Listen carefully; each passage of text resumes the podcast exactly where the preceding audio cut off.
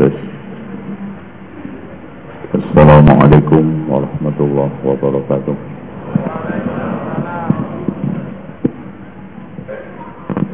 Innal hamdalillah nahmaduhu wa nasta'inuhu wa nastaghfiruhu wa nasta'dih wa na'udzu billahi min shururi anfusina وسيئات أعمالنا. من يهده الله فلا مضل له. ومن يضلل فلا هادي له.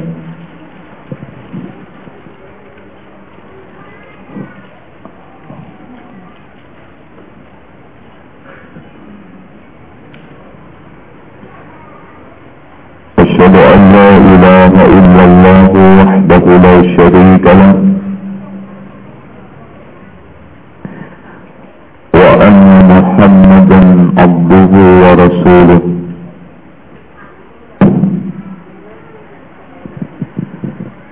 قال الله عز وجل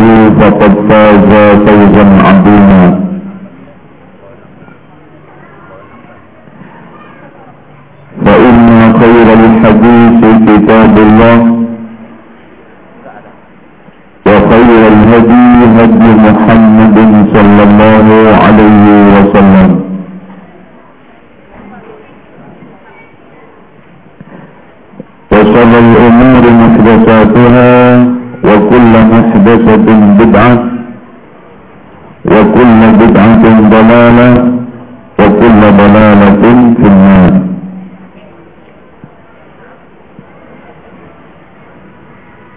matikan ini panitia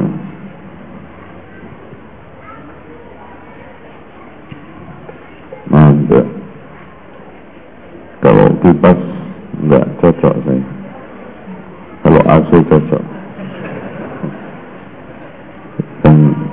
biasanya kipas masjid itu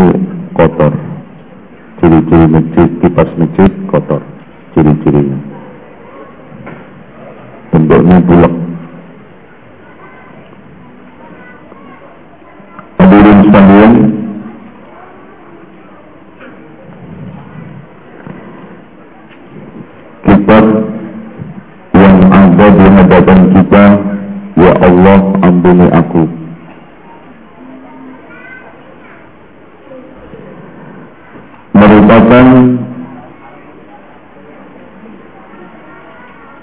panduan bagi orang yang ingin meniti jalan taubat taubatan nasuha.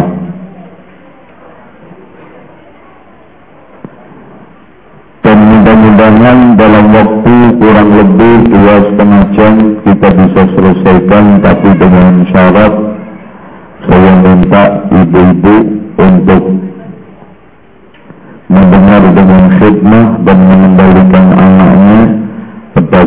juga ikut ngaji karena mic atau speakernya agak kurang begitu bagus. Harusnya sound besar sampai sana, biar orang kampung kena semua.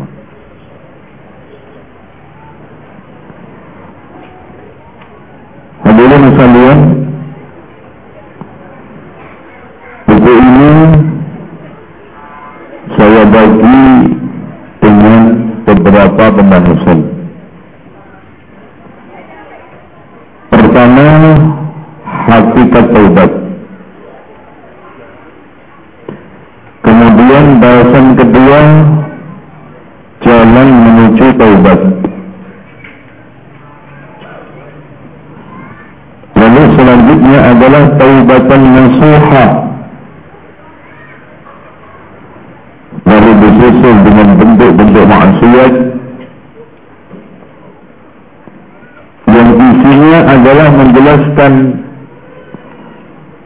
Bahaya dosa besar dan macam-macamnya.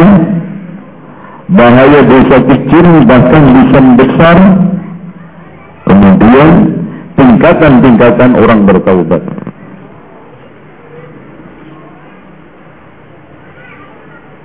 Dan tidak kalah pentingnya di dalam pembahasan itu ada pembahasan tentang dalam kehidupan manusia dunia dan akhirat.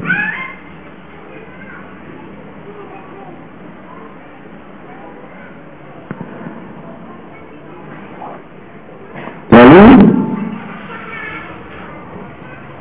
kita susul dengan penjelasan penghalang-penghalang taubat. Yang ada sepuluh dan terakhir adalah racun penawar racun maksiat. Tapi tidak mungkin kita jelaskan semua pada saat ini apalagi sudah ngap-ngapan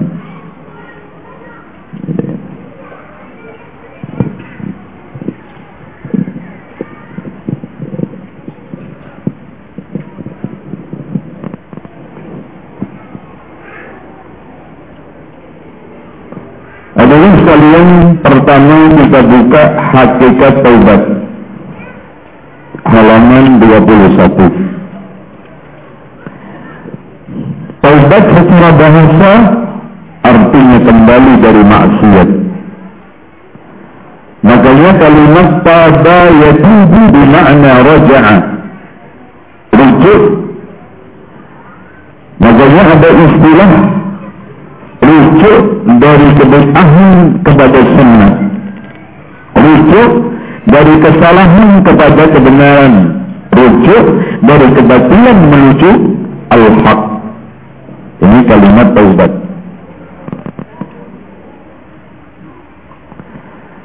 Sehingga dari kalian kalau ada orang yang bertobat sementara tidak ada perubahan maka tobatnya itu hanya sekedar dia publik. Sehingga para ulama menegaskan tobat tanpa dibarengi dengan bukti tobatnya para pendusta.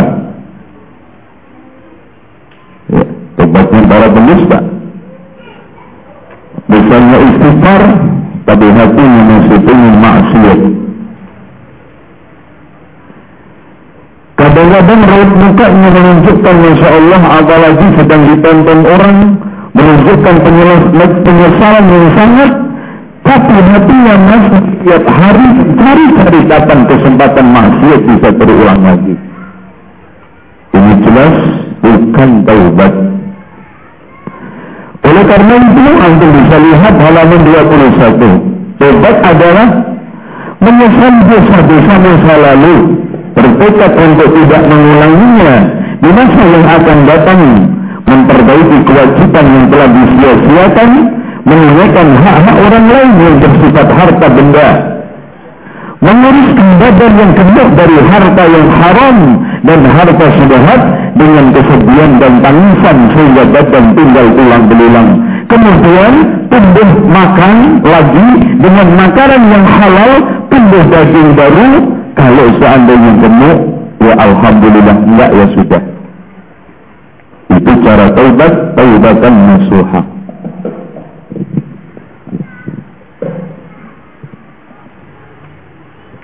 Ini kayaknya nggak nyampe jam 11 ya. Suara saya sudah habis. Jadi kita akhiri sekian saja. Mudah-mudahan bermanfaat. Saya kalau ngobrol begini nggak semangat.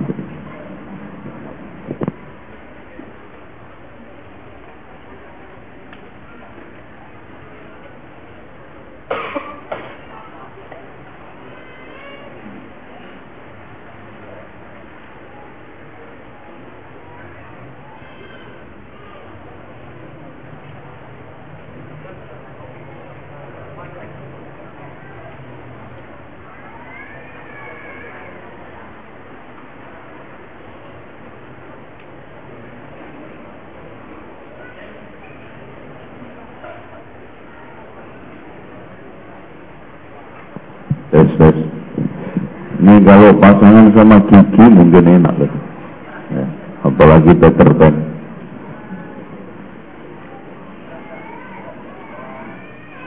Jadi yang sekalian, kalau kita ditanya tobat iyalah tadi, menyesali dosa-dosa masa lalu. Ya Allah, saya pernah menipu orang. Setiap teringat itu selalu hatinya merasa menangis, menyesali dan beriris-iris. Ya Allah saya pernah berjudi, Ya Allah saya pernah berzina, Ya Allah saya pernah melakukan kekufuran, kesyirikan, termasuk penyembahan terhadap kuburan dan yang lainnya. Bertekad kuat untuk tidak mengulanginya. Jangankan sekarang mengulanginya, beringat aja. Nangis dan kalau seandainya disuruh kembali mengulanginya, mendingan diceburkan ke dalam api daripada mengulangi dosa tersebut. Makanya tanda-tanda taubat dikatakan oleh Imam Ibnu Qayyim. Nanti di halaman ada di sini semua, nanti nggak usah nyatet. Ya, antum lihat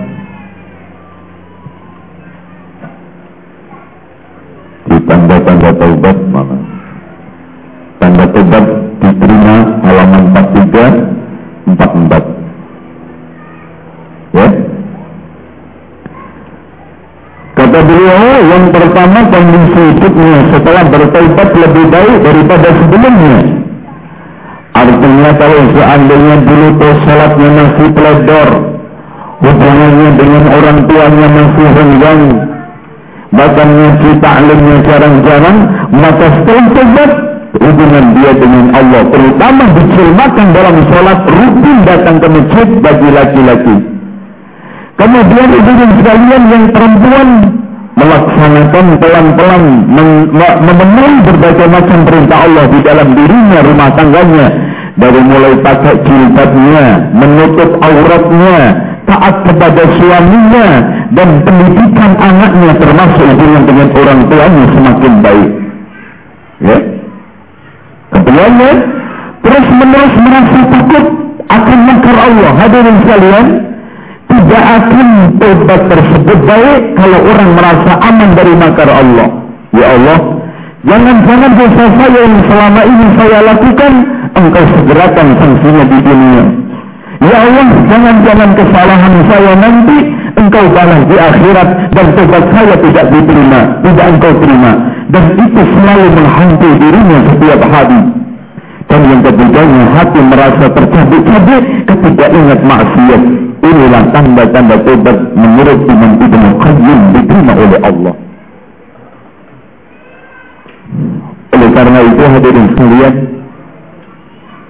orang kalau belum menemukan pada dirinya hal ini maka hendaknya bertobat dari tobatnya Tolong dijangan bertobat dari tobatnya. Barang siapa yang belum menemukan hal ini pada dirinya, hendaknya bertobat dari tobatnya. Artinya, bertobat karena tobatnya masih belajar. Bertobat karena tobatnya masih belum sempurna. Ini tentang masalah hakikat daripada taubat. Kalau seandainya, ini apa? Mas, mas, jangan. Jangan. Ini aja udah dimantuin tambah lagi.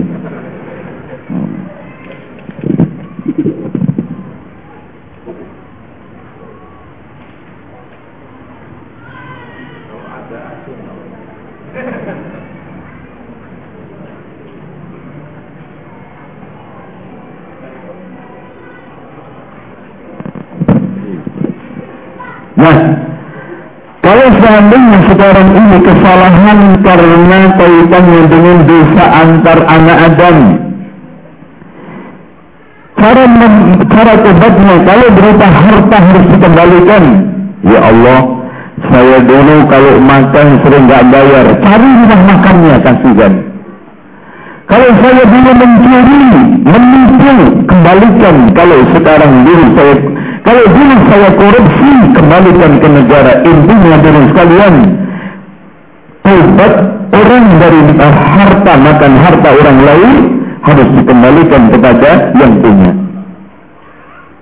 Kalau seandainya sudah masuk ke badan, maka katanya Imam Ibn Mubarak lihat hakikat tobat halaman 25.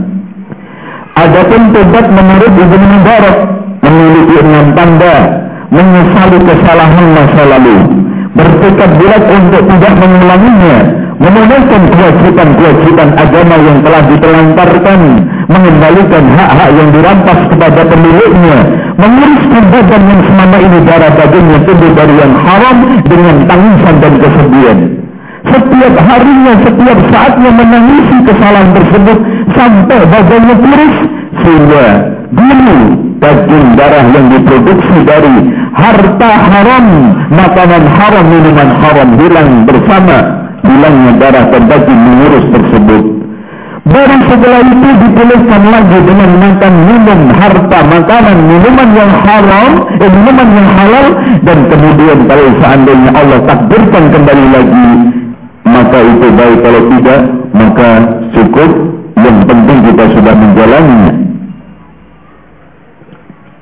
dengan demikian sikap bertaubat maksiat hendaklah segera bertobat dengan menyesal melepas ikatan maksiat takut berbuat maksiat dan bertekad secara jujur untuk tidak mengulangi kembali dalam rangka mengagungkan Allah. Ikhlas kepadanya dan takut siksaannya. Orang yang demikian Allah akan Allah terima tobatnya dan Allah akan hapus setiap kesalahannya masa lalu sebagai bentuk karunia dan kebaikannya. Insya Allah.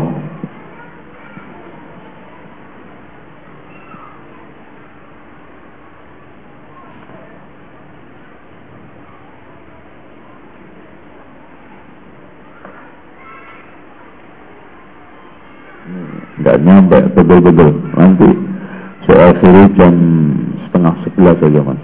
Nanti terus terang saya nggak bisa ceramah kalau miknya seperti ini. Kalau tahu seperti ini hanya batalkan. Betul-betul. Karena kasihan jamaah udah datang dari jauh-jauh materi nggak maksimal. Ya emang ngotot banget. Ngotot. Kalau nggak ngotot nggak nyampe belakang. Yes, seumur sekali tablet paling setahun. Nyewa. Aduh, ini enggak belum ada mic-nya nih. Dan masjid aspek nih, anti speaker. Ini ada speaker nih.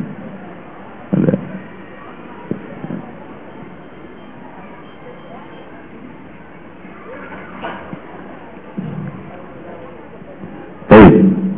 Ini hakikat daripada taubat keutamaan taubat jelas sebagaimana yang telah ditegaskan oleh Allah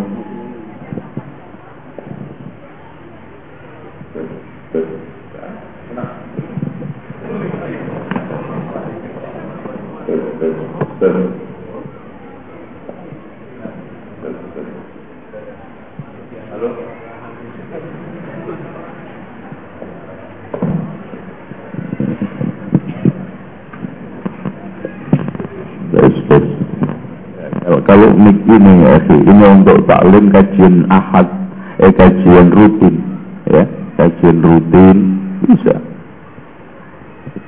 Hmm. Dan mana intinya siapa begitu?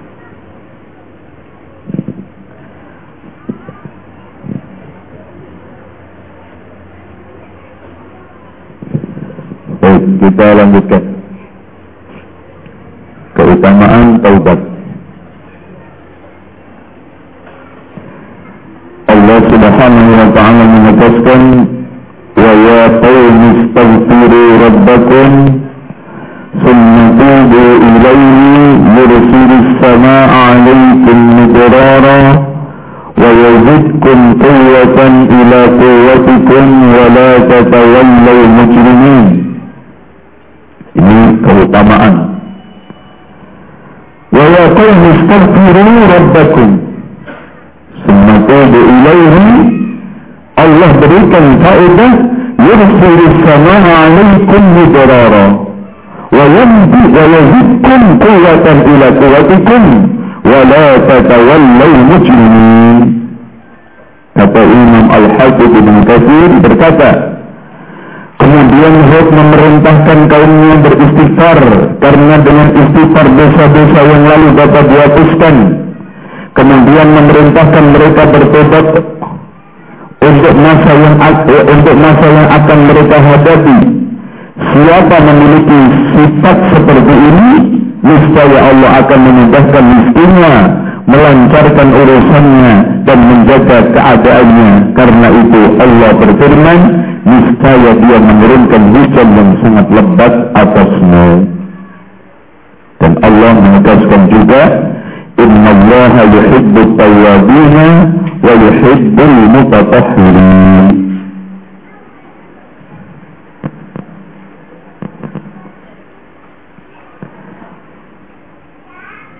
Hadirin sekalian, lihat faedah daripada taubat lagi. Halaman 28 dari Abu Nujaim Imran ibn Husain Sesungguhnya ada seorang wanita dari Juhaina yang hamil karena zina dan mendatangi Rasulullah Sallallahu Alaihi Wasallam dengan mengatakan wahai Nabi Allah aku telah melanggar hukuman had. Aku telah berzina maka tegakkanlah hukuman atas diriku. Nabi memanggil wali wanita tersebut dan berkata perlakukanlah dia dengan baik dan dia dan jika telah melahirkan datangkanlah kepadaku. Dia melaksanakan kemudian Rasulullah memerintahkan wanita tersebut agar merapatkan pakaiannya dan memerintahkan agar wanita tersebut diracun kemudian beliau mensolatinya Umar berkata kepada Rasulullah wahai Rasulullah engkau mensolatinya sedangkan dia telah melakukan zina.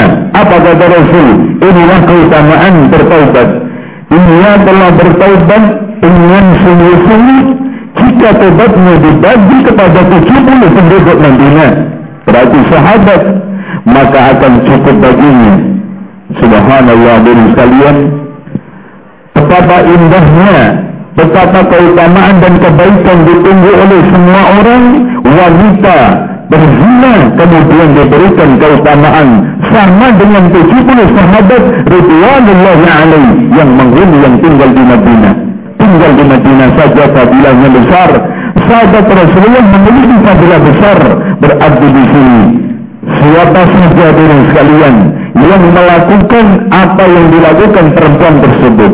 Kemudian melakukan tobat seperti yang dilakukan oleh perempuan tersebut yaitu perempuan Hamidia yang datang secara tulus, jujur dan ikhlas mengakui kesalahannya. Lalu ingin dibersihkan dirajam Rasulullah SAW bersama sahabatnya sampai meninggal dunia dihargai oleh Rasulullah. Ketika Rasulullah ketika Umar bin Khattab menegur ya Rasulullah apakah anda menselati orang yang berzina? Apa kata Rasul? Dia telah bertobat sungguh-sungguh Demi Allah, jika tobatnya dibagi dengan 70 penduduk Medina, maka akan cukup baginya. Maka kamu menemukan, maka apakah kamu menemukan orang yang lebih mulia daripada orang yang secara sungguh-sungguh ingin membersihkan dirinya semata-mata karena mencari ridha Allah.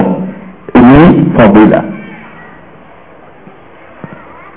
Adapun hukum taubat hadirin sekalian perlu diketahui bahwa taubat itu hukumnya fardu ain. Tidak bisa ditunda-tunda. Ya, lihat halaman 30. Hukum bertaubat.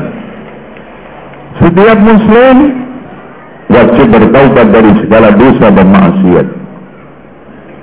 Bahkan para ulama ijma segera bertaubat dari segala dosa baik besar maupun kecil hukumnya wajib. Bahkan Imam Al-Qurtubi berkata tidak ada perbedaan di antara para ulama bahwa tobat hukumnya wajib bagi kaum muslimin terutama yang berbuat dosa Imam Ibnu Qudamah juga mengatakan ijma telah tetap bahwa tobat hukumnya wajib karena dosa-dosa menghancurkan dosa-dosa menghancurkan dan menjauhkan seorang hamba dari Allah sehingga dia wajib segera melenyapkan dan melarikan diri darinya. Syekhul Islam Ibn Taimiyah berkata, seorang hamba senantiasa berada dalam kenikmatan yang perlu disyukuri. Dan perbuatan dosa yang membutuhkan istighfar. Kedua perkara tersebut lazim seorang hamba untuk selamanya. Artinya, yang dikatakan oleh Syekhul Islam betul. Manusia itu tidak lepas setiap hari selalu butuh syukur dan istighfar. Syukur karena limpahan nikmat Allah yang begitu besar. Ya, yang begitu besar. Dan setiap saat dibutuhkan istighfar kenapa hadirin sekalian? Karena nikmat yang sekian banyak belum sempat disyukuri semuanya.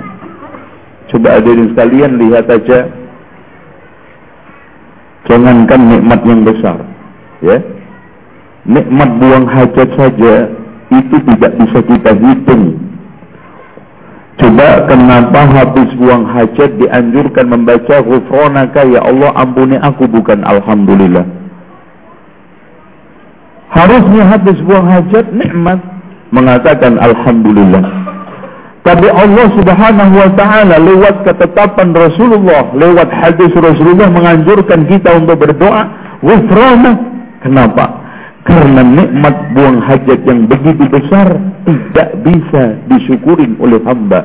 Sehingga minta ampun, Ya Allah, ampuni aku atas nikmat ini. Belum semua saya bisa syukuri.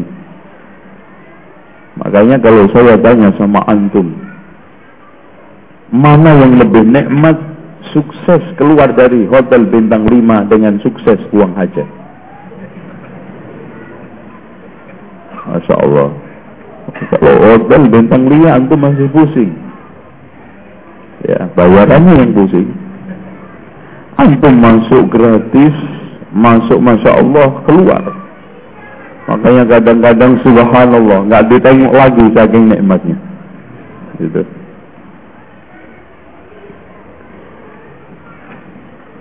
Wajib bagi para pendusta. Ya ikhwan, tolong dicamkan. Tidak ada satu manusia pun yang tidak menyimpan kesalahan. Tidak ada dalam sejarah perjalanan hidup manusia yang tidak pernah melakukan dosa. Ditampakkan atau disembunyikan.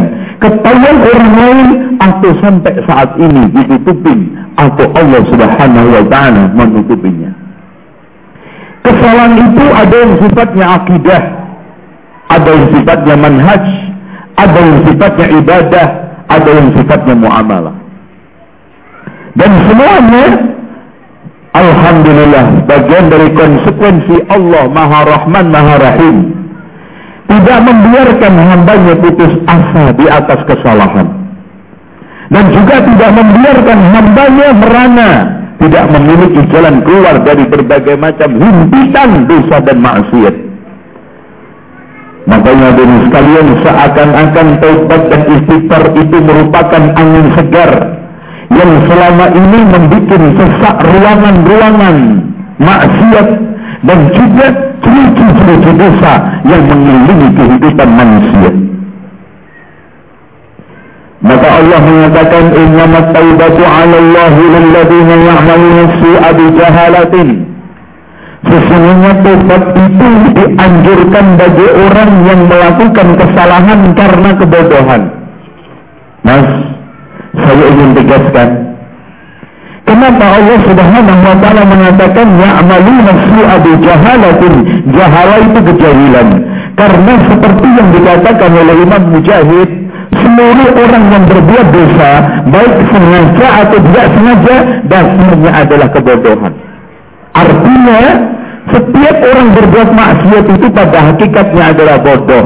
Artinya melakukan tindakan kebodohan dan tindakan orang-orang bodoh. Walaupun pintar. Sekarang kalau antum ingin lebih jelas lagi. Ada ustaz alim Masya Allah hafal hadis subhanallah. Ternyata di meja judi atau di meja khomer minum khomer teler di sampingnya ada orang awam, orang biasa, orang jahil. Apa bedanya mas?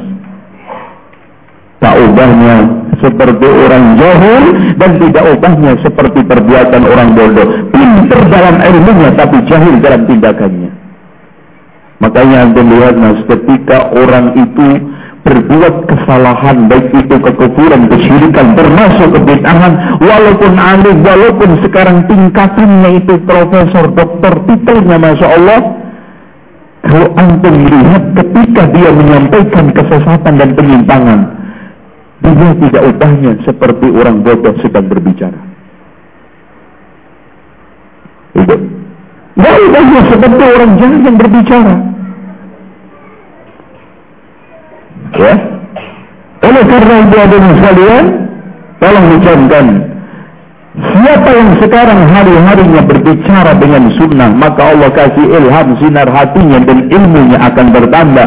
Siapa yang hari-harinya berbicara tentang masalah kebid'ahan, kemaksiatan, kekufuran, Allah akan cabut cahaya dari hatinya dan Allah akan tambah kebodohannya dan akan ditarik keilmuannya walaupun dia hafal sahih Bukhari Muslim.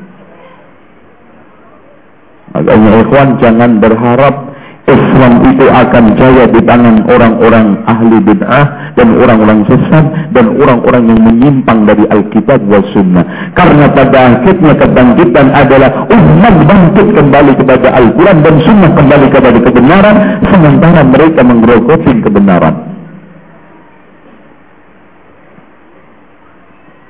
Nah, kalau walaysat at-taubatu lil ladzina ya'maluna sayyi'at. Tobat itu baru tidak diterima bagi orang yang melakukan kemaksiatan hatta idza hadara ahadahumul maut sampai hadir kematian baru ngomong qala inni tubtul an saya baru tobat sekarang. Walal ladzina yamutuna wa hum kuffar. Atau mati dalam keadaan kafir musyrik. Na'udzubillah Makanya kata Rasulullah Sallallahu Alaihi Wasallam di dalam hadisnya, seorang akan selalu diterima taubatnya dan Allah akan selalu membuka taubatnya selagi hijab tidak diturunkan. Apa yang dimaksud hijab diturunkan? Jiwanya mati dalam keadaan musyrikah, dalam keadaan musyrik, dalam keadaan membawa dosa penyekutuan terhadap Allah, dikatakan oleh Rasulullah SAW man mata yushrik billahi syai'an dakhala nar barang siapa yang mati dalam keadaan menyekutukan Allah masuk neraka. Makanya ikhwan haram menunda-nunda taubat. Menegarakan taubat agar maksiat tidak menjadi mudah dan karat tidak bisa dihilangkan menyegerakan taubat sebelum ajal tiba atau tertimpa sakit jadi Jangan sampai seorang muslim baru berkata, Ya Allah sekarang aku bertobat pada saat ajal sudah menjemput atau pada saat nanti matahari sudah terbit dari barat. Maka segerakan orang yang mengenal Allah dan keagungannya, kebesarannya. Lihat, lihat, ikhwan halaman 36. Ada dua sisi penjelasan dari masalah uh, Allah tadi, Inna taubatu 'ala Allah lil ya'maluna su'a jahalatin." Setiap orang yang berbuat maksiat itu pasti jahil, walaupun seorang alim. Kenapa? Alasannya orang yang pertama, orang yang mengenal Allah, keagungan dan kebesarannya, serta kesombongan Allah, maksudnya al-kibriyatnya Allah pasti dia akan takut dan tidak mungkin berbuat maksiat. Cukuplah rasa takut tersebut itu ilmu. Makanya di dalam ucapan Imam Ahmad mengatakan aslul ilmu khasyatullah, asas ilmu adalah takut kepada Allah. Berarti orang itu kalau tidak takut maksiat, tidak takut kepada Allah, berarti orang bodoh. Karena Allah hanya memberikan titel alim kalau mendatangkan takut kepada Allah. Maka Allah mengatakan innama min ibadil ulama. Walaupun sekarang ini ah, dikatakan Masya Allah orang ini hebat, orang ini ilmunya banyak. Setiap saat kalau berbicara mengalirkan mutiara hikmah, tapi kalau hidupnya geliman dengan kepenyimpangan, kesalahan, kemaksiatan, maksiat yang kaitannya dengan akidah, maksiat kaitannya dengan manhaj ibadah dan muamalah, maka pada akhirnya dia itu orang tidak pinter, tidak alim, alias jahil, alias bodoh. Karena apa? Kalau dia itu alim, pasti takut sama Allah. Kalau takut sama Allah, pasti tidak maksiat. Kok maksiat berarti masih bodoh. Yang kedua, siapa yang mengutamakan maksiat di atas ketaatan, ia akan kehilangan kemuliaan, pahala dan lezatnya ketakwaan maupun ketaatan. Jika masih tersisa keimanan di hatinya, dia pasti akan berusaha melepaskan dosanya dengan bertobat di akhir umurnya. Dia tidak akan membiarkan dirinya nyaman dengan dosa, perbuatan hina, karena dia tidak tahu bagaimana akhir hidupnya. Apakah dia akan diberi kesempatan bertobat? Apakah dia akan diberikan kesempatan bertobat sebelum mati? Ataukah kematian menjemputnya lebih dahulu secara tiba-tiba? Dia ibarat orang kelaparan lalu makan makanan beracun untuk mengusir kelaparan yang akan datang. Lantas untuk terbebas dari pengaruh racun, dia minum penawar racun. Jelas tindakan ini adalah tindakan orang bodoh. Maksudnya gini mas, ini kan orang alim. Dia sudah punya ilmu yang merupakan sebuah obat. Oh ternyata dia kelaparan, merasa kelaparan berobat dengan racun, yaitu maksiat. Mungkin enggak tindakan ini dikatakan tindakan orang pinter, orang ngerti, orang paham. Tidak ada orang yang memberikan julukan orang ini kecuali ini adalah tindakan orang jahil. Namanya berobat dengan obat-obat yang bagus, makan dengan makanan yang sehat. Sudah dapat obat di kantongnya, di dalam dirinya ada Quran, ada sunnah, ada ilmu yang bermanfaat. Eh ternyata cari makanan yang beracun, cari maksiat sehingga merusak apa yang telah ada di dalam dirinya. Maka ini tidak dikerjakan kecuali orang yang jahil saja. Nah, ada pun syarat-syarat taubat.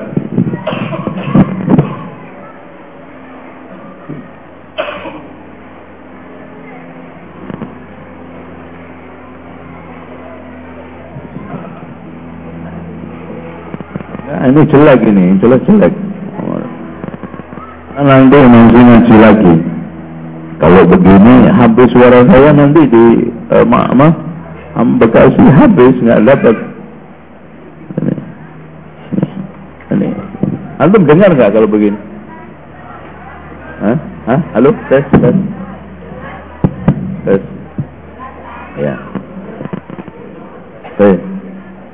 Jelas nggak di sini? Ya, udah. Syarat-syarat tobat. Ya. Jawab. Nggak masuk. Syarat-syarat tobat kepada Allah Subhanahu wa taala. Yang pertama dari sekalian ikhlas. Jadi ikhlas bukan hanya dituntut di dalam masalah ibadah yang sifatnya baik. Ya ikhwan, tolong dicamkan. Kenapa Allah Subhanahu wa taala memberikan memberikan karunia kepada orang mukmin falahum ajrun ghairu mamnun. Apa artinya falahum ajrun ghairu mamnun? Ada yang tahu? Pahala tidak pernah putus. Padahal ibadah tidak setiap saat kita lakukan. Jawabannya dulu sekalian, kalau kita maknai ibadah hanya melakukan perintah Allah, maka betul apa yang anda katakan tidak setiap saat kita tidak melakukan ibadah. Padahal di dalam pandangan yang benar, seorang itu dikatakan melakukan ketaatan ialah melaksanakan perintah Allah dan meninggalkan larangannya. Maka pada saat sekarang kita tidak minum khamar, kita tidak berzina, kita tidak melakukan kebitahan dan kita tidak melakukan kesyirikan. Pada saat itu diam kita mendapatkan pahala. Maka Allah lahum ajrun ghairu mamnun. Bagi orang mukmin setiap saatnya mendapatkan pahala walaupun dia seakan-akan sekarang diam. Contoh aja ta'lim antum. Makanya di antara para ulama mengatakan bahwa ilmu itu adalah solatu sirri. Solat yang tidak kelihatan. Ibadah yang paling agung.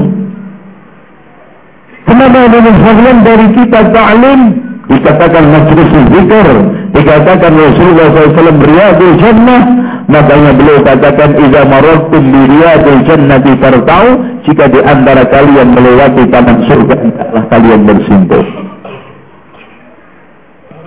Ikhlas artinya ikhlas itu begini.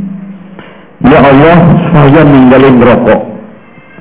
Murni hanya karena memang itu engkau benci ya Allah. Ya bukan karena sekarang jantungnya sudah mulai keropos atau mungkin duitnya sudah mulai bokek atau istrinya minta cerai. Karena suaminya berokok mas mendingan saya cerai aja kalau mas masih merokok. Kenapa kalau mas merokok mendingan gue dicium kepu ketimbang mas kalau dicium orang perokok itu kayak ditampari asbak rokok pelok pelok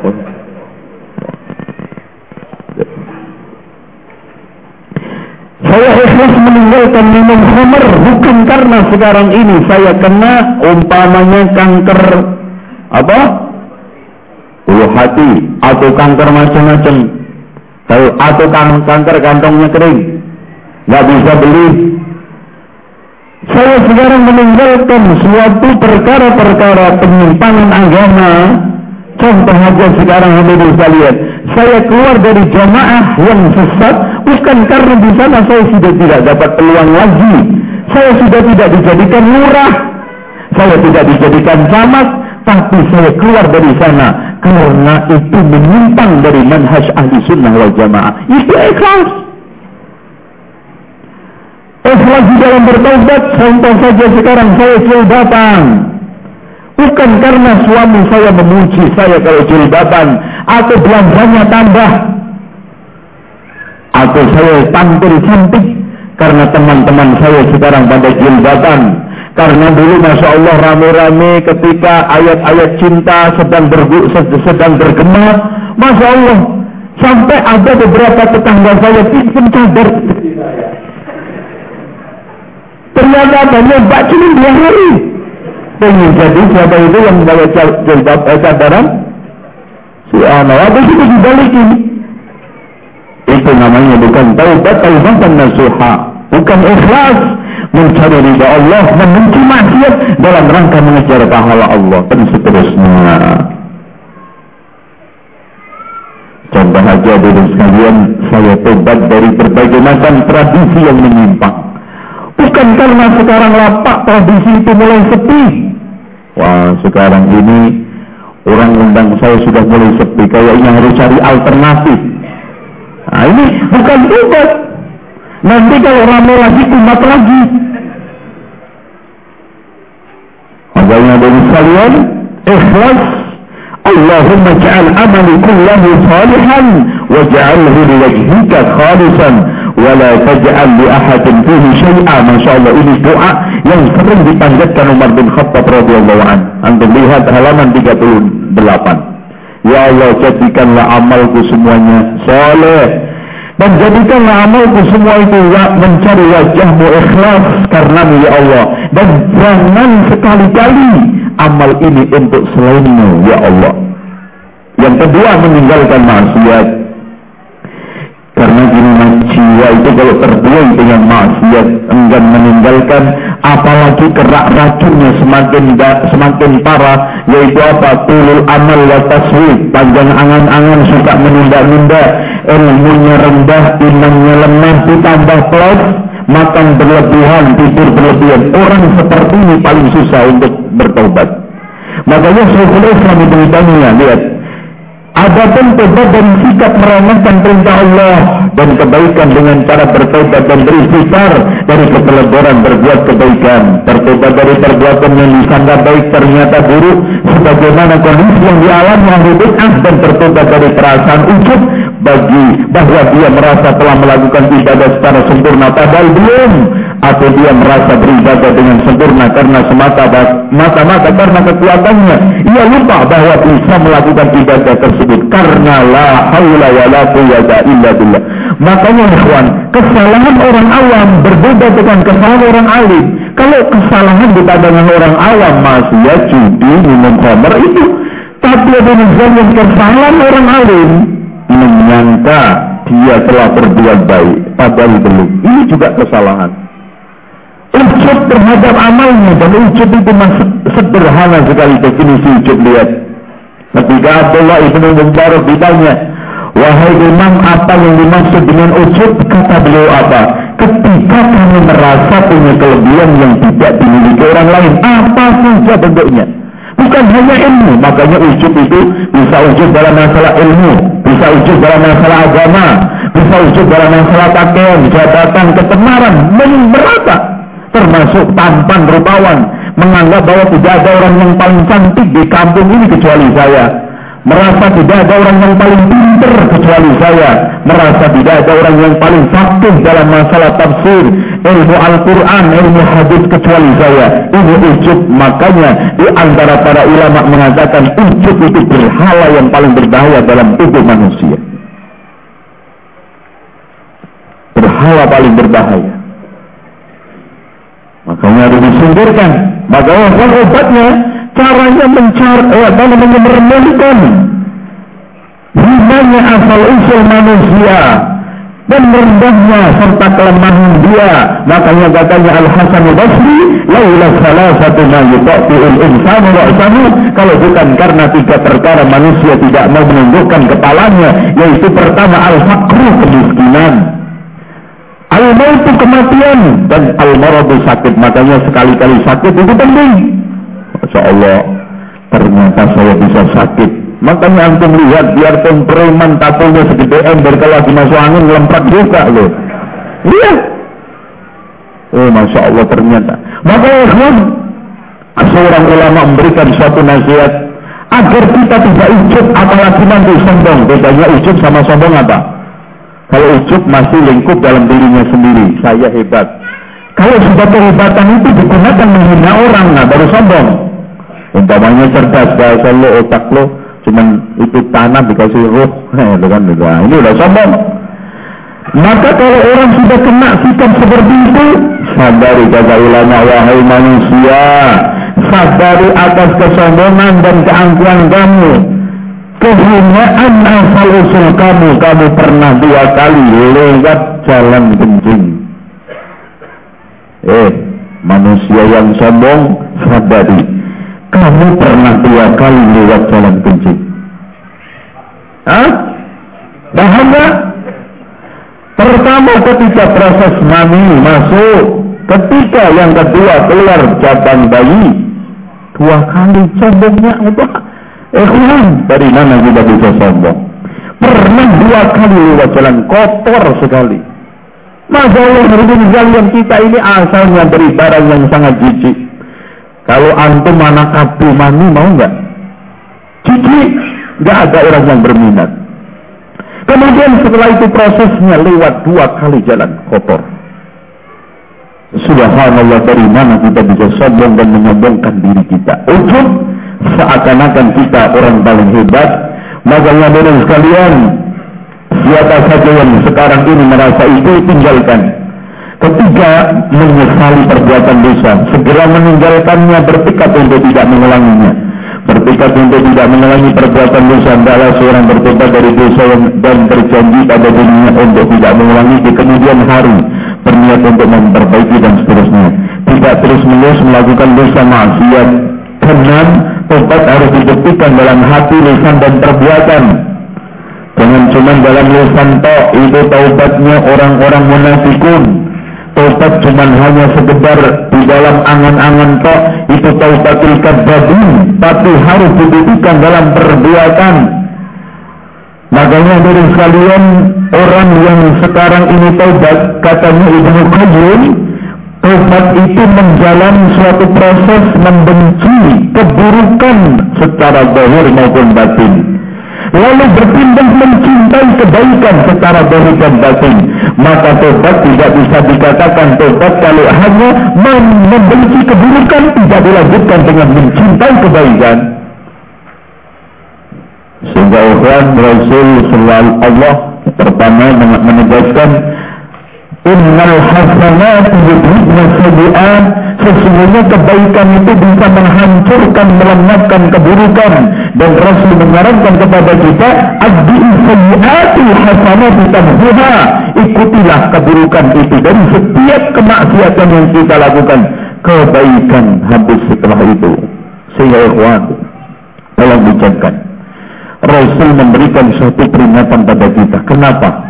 فإن الرجل لا يعمل عمل أهل الجنة ada orang yang beramal amalan ahli surga ولا يكون بينها وبين وبينها وبينه إلا ذراع فيسبق عليه الكتاب فيعمل عمل أهل النار فدخلها ada orang yang beramalan amalan ahli surga kemudian tidaklah tersisa kematian antara dirinya kecuali cuma satu hasta. Lalu ditakdirkan takdir berbicara ia harus beramal dengan amalan ahli neraka. Masuklah ke dalam neraka. Apa intinya ikhwan innamal a'malu bil khawatim. Amalan itu tergantung pungkasannya bagaimana kita mengakhirinya lelah capeknya ibadah tidak memastikan kita nanti menjadi orang hebat di akhir hayat. Dan berbagai macam kebaikan tidak layak untuk kita sombongkan pasti masuk surga karena kita tidak tahu nasib kita nanti di akhirnya kayak apa. Makanya dari sekalian Rasul mengatakan, "Ma minkum min ahadin yadkhulul jannata bi amalihi." Tidaklah di antara kalian yang masuk surga karena amalnya. Tidak ada. Wala anda ya Rasulullah, walaupun engkau ya Rasulullah, walaupun saya, illa ayyataghammadani Allah Ta'ala bifadrin minni wa rahmah. Coba antum lihat bagaimana cerita kisah bersosok yang diturunkan oleh Imam dalam Al-Bidayah wa Nihayah dari mulai sejak muda mengawali karir ibadah yang sangat kental dan sangat hebat kemudian mati su'ul khotimah bukan hanya berzina dan menghamili perempuan tapi sujud terhadap iblis la'natullahi alaih. Berapa banyak Masya Allah dari sekalian kadang-kadang Masya Allah kadang kita takut. Kapan setan itu nyasar ke kita? Iman sedang lemah kemudian kita dibikin asyik dengan maksiat. Sehingga tidak bisa keluar.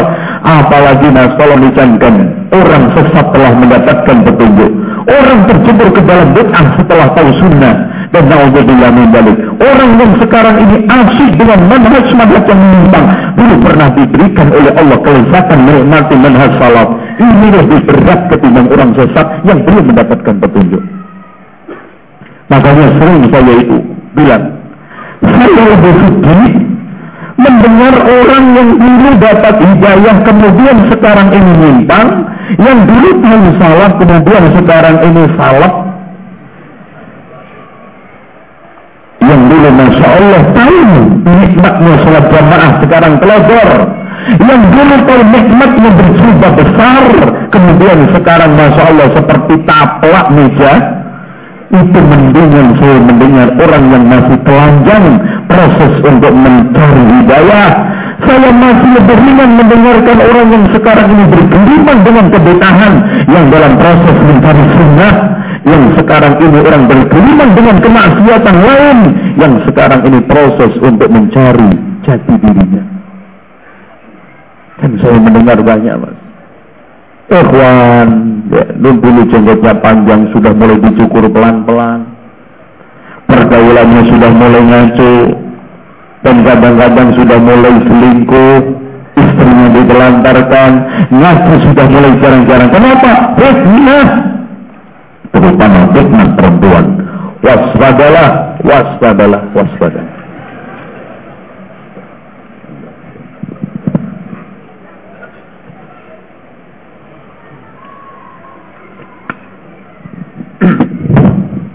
Fitnah di dunia.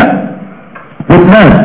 Makanya Rasulullah SAW mengatakan Inna fa'ida la menjulidal fitan. Sesungguhnya orang yang paling bahagia adalah orang yang dihindarkan dari fitnah. Inna fa'ida la menjulidal fitan. Sesungguhnya orang yang paling bahagia adalah orang yang dihindarkan dari fitnah. Inna fa'ida la menjulidal fitan. Sesungguhnya orang yang paling bahagia adalah orang yang dihindarkan dari fitnah. Tiga kali. Coba bayangkan ini sekalian, saya temukan teman-teman dulu saya yang ketika satu bangku sekolah termasuk orang-orang yang istiqomah, setelah sekarang mendapatkan jabatan tertentu masuk ke tempat lem-lem sekarang sudah subhanallah seakan-akan tidak pernah sekolah agama, seakan-akan sudah tidak pernah mengenal itu dalil. Bahkan di antara mereka ada yang S3, lulusan Medina Mekah, terkelupas tergerus oleh fitnah. Makanya ikhwan, fitnah itu berat. Dulu Masya Allah, ibaratnya disuap uh, pakai bawang putih aja nggak mau. Tapi kalau disuapin nasi mau.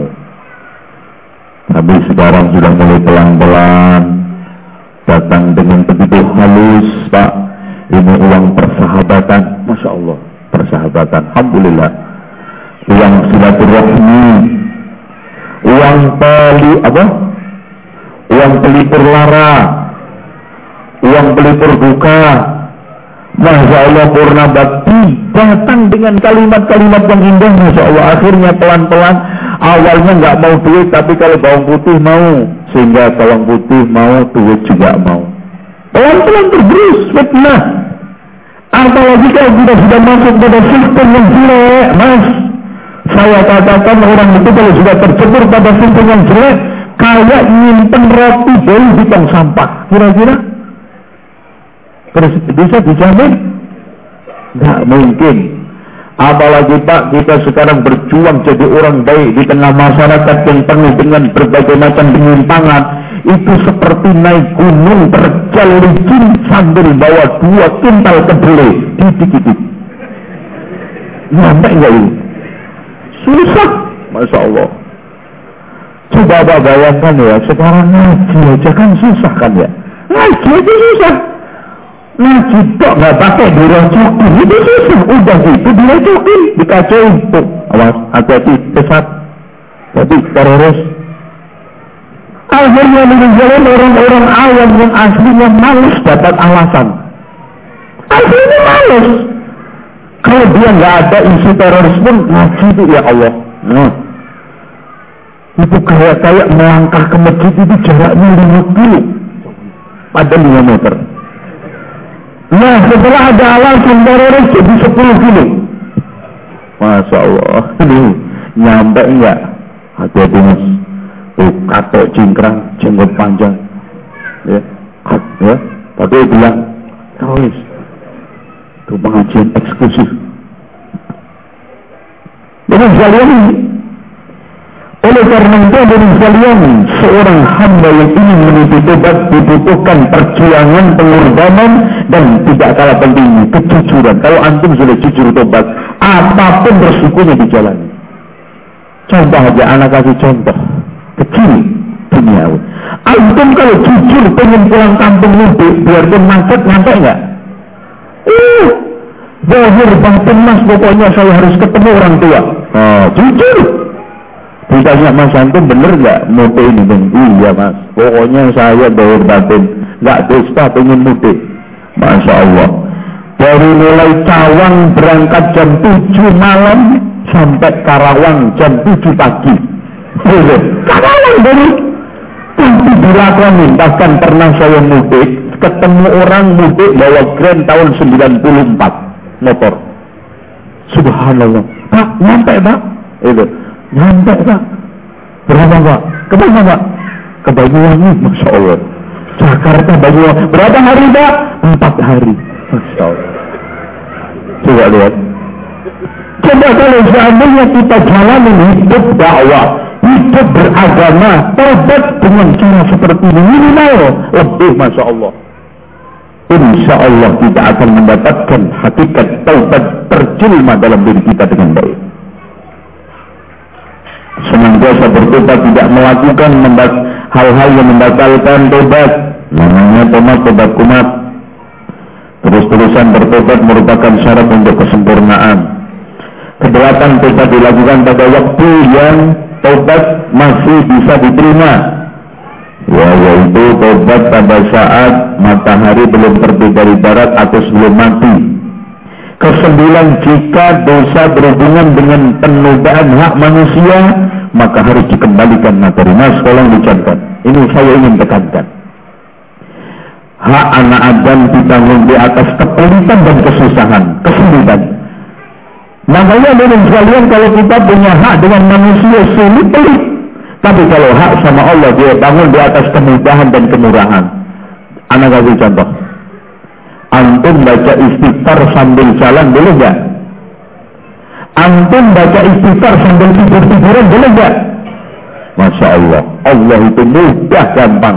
Minta maaf tidur-tiduran boleh sambil jalan naik mobil dulu. Coba untuk minta maaf saya sambil tidur-tiduran. Pak, maafin gue ya. Tak tutup langsung. Minta maaf ini benar. Yang serius kan. Itu. Itu. Ada lagi minta maaf sambil jalan naik motor. Eh, Pak, maafin ya gue. Eh, mungkin sepatu lempar terbang. Tapi Masya Allah. Antum minta maaf di jalan, di masjid, di rumah. Sampai subhanallah ikhwan. Habis keluar misi kita baca banyak diterima oleh Allah. Ini murah mudahnya Allah. Oleh karena itu ada di sekalian lunasin. Makanya saya menulis buku dan sudah beredar sunnah-sunnah kematian. Termasuk perkara-perkara yang segera harus dituntaskan dari orang yang meninggal dunia adalah tanggung jawabnya tanggungan listrik, telepon, pajak, utang, sangkutan, perserikatan, dan menyelesaikan. Karena itu nanti akan menjadi beban dia. Sehingga dia nanti datang kalau nggak diselesaikan, hopeless, bangkrut. Benar bahwa pahala puasa, sodako, haji, tapi habis. Tagihan listrik belum terbayar, utang sana belum dibayar, telepon 4 bulan, ngebat, belum lagi dengan sekalian sangkutan-sangkutan kehormatan mungkin mencaci si bulan, memaki si bulan, menghujat si bulan, yosut namimah si bulan bahkan di antara mereka ada yang rontok usahanya, rontok rumah tangganya karena namimah semua akan ditagih makanya ya tuan rahasianya kenapa? Siksaan kubur itu didominasi oleh dua yaitu kencing sama namimah. Kenapa? Karena dosa yang paling uh, pertama kali dihisap kaitannya dengan Allah adalah teledor sholat. Dan pemicu utama sholat itu rusak adalah kencing najis. Makanya siapa saja yang sudah bermasalah di kuburannya tentang kencing, sholatnya bakal nggak beres nanti di akhirat. Dan dosa anak yang pertama kali dihisap oleh Allah adalah apa? Darah dan biasanya pemicu utama terjadinya pertumpahan darah adalah namimah. Makanya orang kalau sudah dihisap disiksa karena namimah di alam kubur kemungkinan besar bermasalah dengan darah orang. Ada masalah menjangka maksud darah itu bukan antum langsung membunuh. Fitnah lidah namimah bisa saja memicu yang keempat kelima. Contoh ngomong pertama Pihak pertama biasanya ngomong biasa itu tukang gosip, tukang namina, selalu bahasanya mas atau mbak paling paling pintar perempuan. Mbak, maaf ya mbak, untuk kita kita aja. Oh, tuh, masya Allah. Ini rahasia mbak. Dia kan sampaikan. Ini kan nggak perempuan nggak ada. Mbak, tolong mbak, ini untuk kita-kita saja. Terus terang saya pernah percaya sama mbak. Pokoknya ini nggak bakal saya sampaikan ke orang lain kecuali mbak. Masya Allah. Ini dia sekarang udah mulai aneh-aneh. Eh, gimana? Oh, kalau udah gosip, tetangga teman aneh-aneh gimana?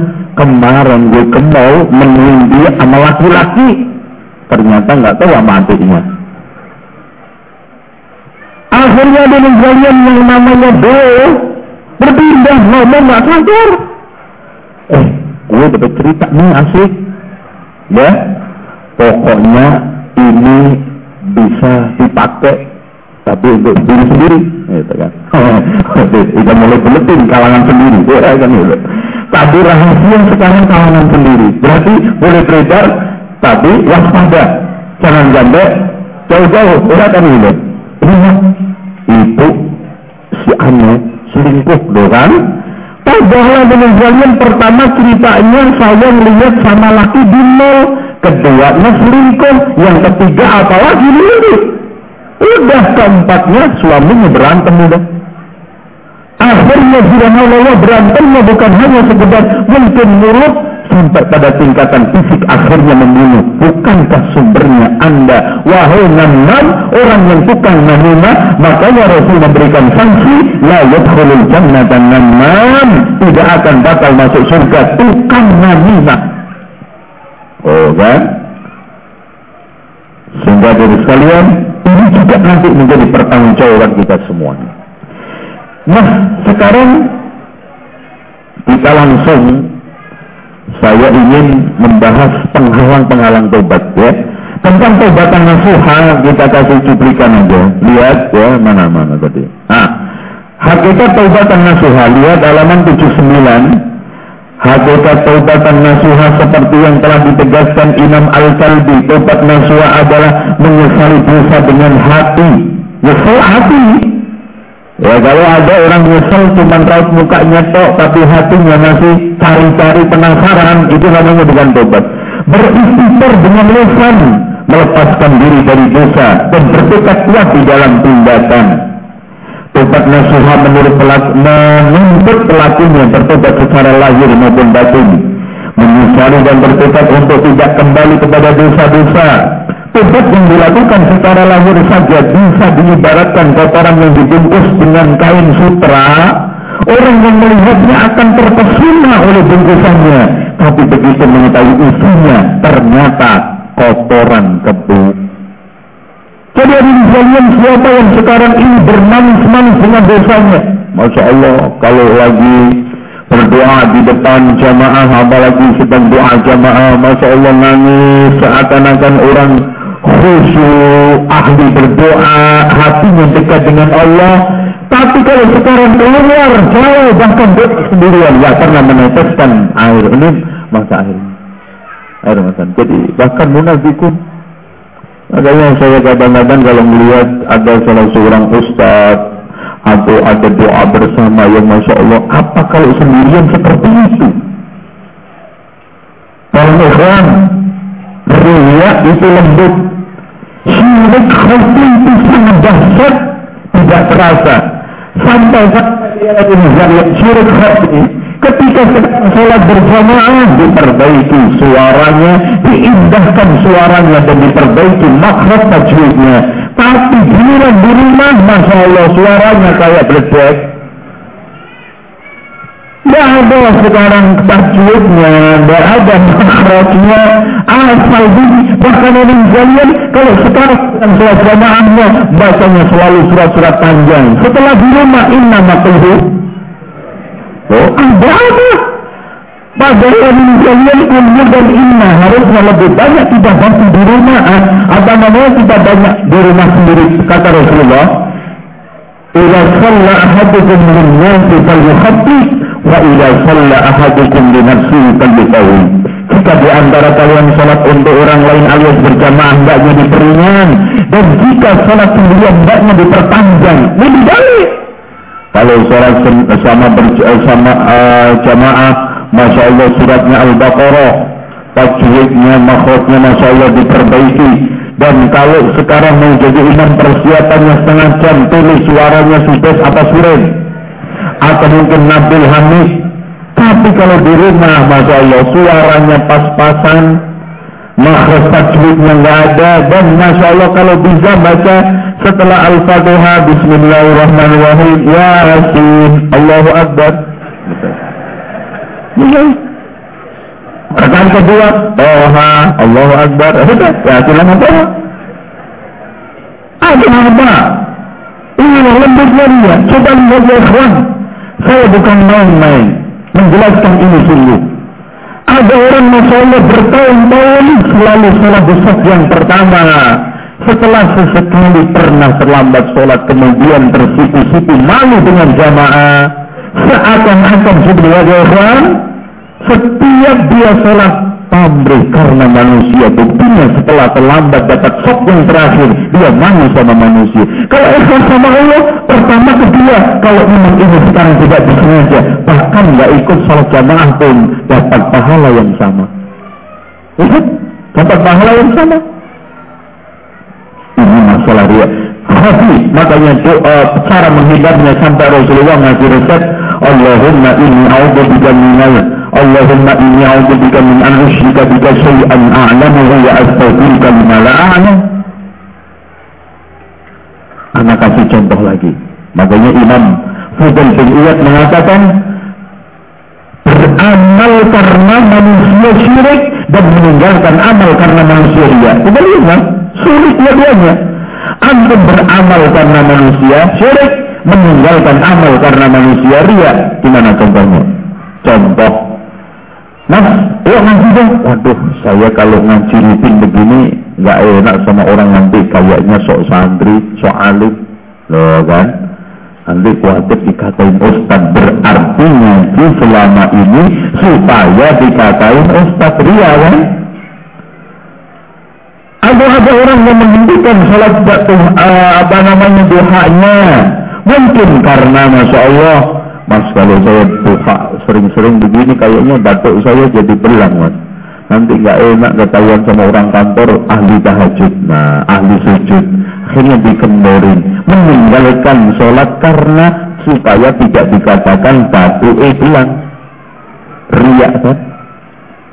Lembut, susah dan tidak mudah. Makanya Ibnu Qayyim mengatakan Hendaklah maksud tobat adalah bertakwa kepada Allah, merasa takut dan khusyuk kepadanya, menunaikan perintahnya, menjauhi larangannya, menjalankan ketaatan kepada Allah di atas cahaya dari Allah dengan berharap pahalanya dan meninggalkan maksiat di atas cahayanya karena merasa takut terhadap siksaannya. Ini taubat nasuha. Sekarang hadirin sekalian langsung saja kita masuk ini ada tobat dari dosa besar. Ini dosa besar itu definisinya antum lihat halaman 117. Dosa besar ialah suatu perkara yang dilarang oleh Allah dan Rasulullah dalam Alkitab dan As-Sunnah. Pelakunya diberi hukuman had di dunia atau ancaman neraka di akhirat. Makanya mas, seluruh dosa yang ada hukuman had alias hukuman sanksi dunia, rajam khusus, atau disiksa di neraka secara jelas contoh sultan min ahlin nar lam arahuma qabla dua orang calon penghuni surga. Dua kelompok calon penghuni eh, maaf. Dua kelompok calon penghuni neraka yang belum pernah aku lihat sebelumnya. Yang pertama adalah siapa?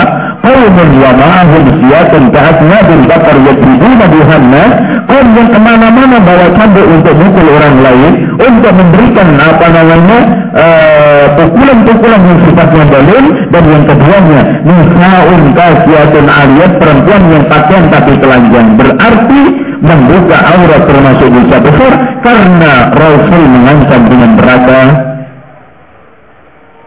atau adanya anjuran sikap berlepas diri darinya. Contoh, man khassana minna. Barang siapa yang menipu bukan golongan kami. Berarti menipu termasuk dosa besar karena Rasul berlepas diri darinya. Atau man ragiba an sunnati minni termasuk juga seterusnya dosa besar selain syirik kufur sangat banyak ya kalau tidak bisa kita hitung satu persatu. Nah, dosa kecil bisa membesar, Pak. Ya, dalam ucapkan dosa kecil bisa membesar, dosa kecil dilakukan terus menerus, jadi akhirnya gede juga. Kedua, meremehkan dosa. Dosa kecil diremeh-remeh, diremehkan akhirnya numpuk. Juga menjadi besar. Ketiga, bergembira dengan dosa kecil. Ini juga akan membesar. Akan mempercepat kelamnya hati. Keempat, terlena dengan penundaan sanksi Allah. Siapa saja yang ter, terlena, bahkan terperdaya dengan satu penundaan kemaksiatan contoh saya makan haram ah buktinya nggak ada masalah saya makan riba katanya begini-begini enggak nah, orang yang seperti ini akan cenderung lebih mudah melakukan dosa bahkan dosa yang kecil bisa akan membesar menampakkan maksiat telah ditutup oleh Allah. Mas tolong dicamkan. Eh, sekarang ini kalau ada orang melakukan dosa kecil tapi diceritakan begitu asik bisa menjadi besar tolong. Bisa menjadi besar maka dalam hadis Rasulullah kullu ummati mu'asun illa mujahirun setiap umatku potensi untuk dimaafkan ketika salah itu ada kecuali yang melakukan maksiat terang-terangan maka sampai di antara para ulama mengatakan siapa yang melakukan maksiat terang-terangan menghalalkan dirinya untuk dihibah makanya di antara para ulama mengatakan tidak ada hibah bagi orang yang melakukan maksiat terang-terangan karena dia sudah menggibahkan dirinya, mempersilahkan orang lain untuk membicarakan. Apa sih? Contoh aja orang yang terang-terangan buka aurat.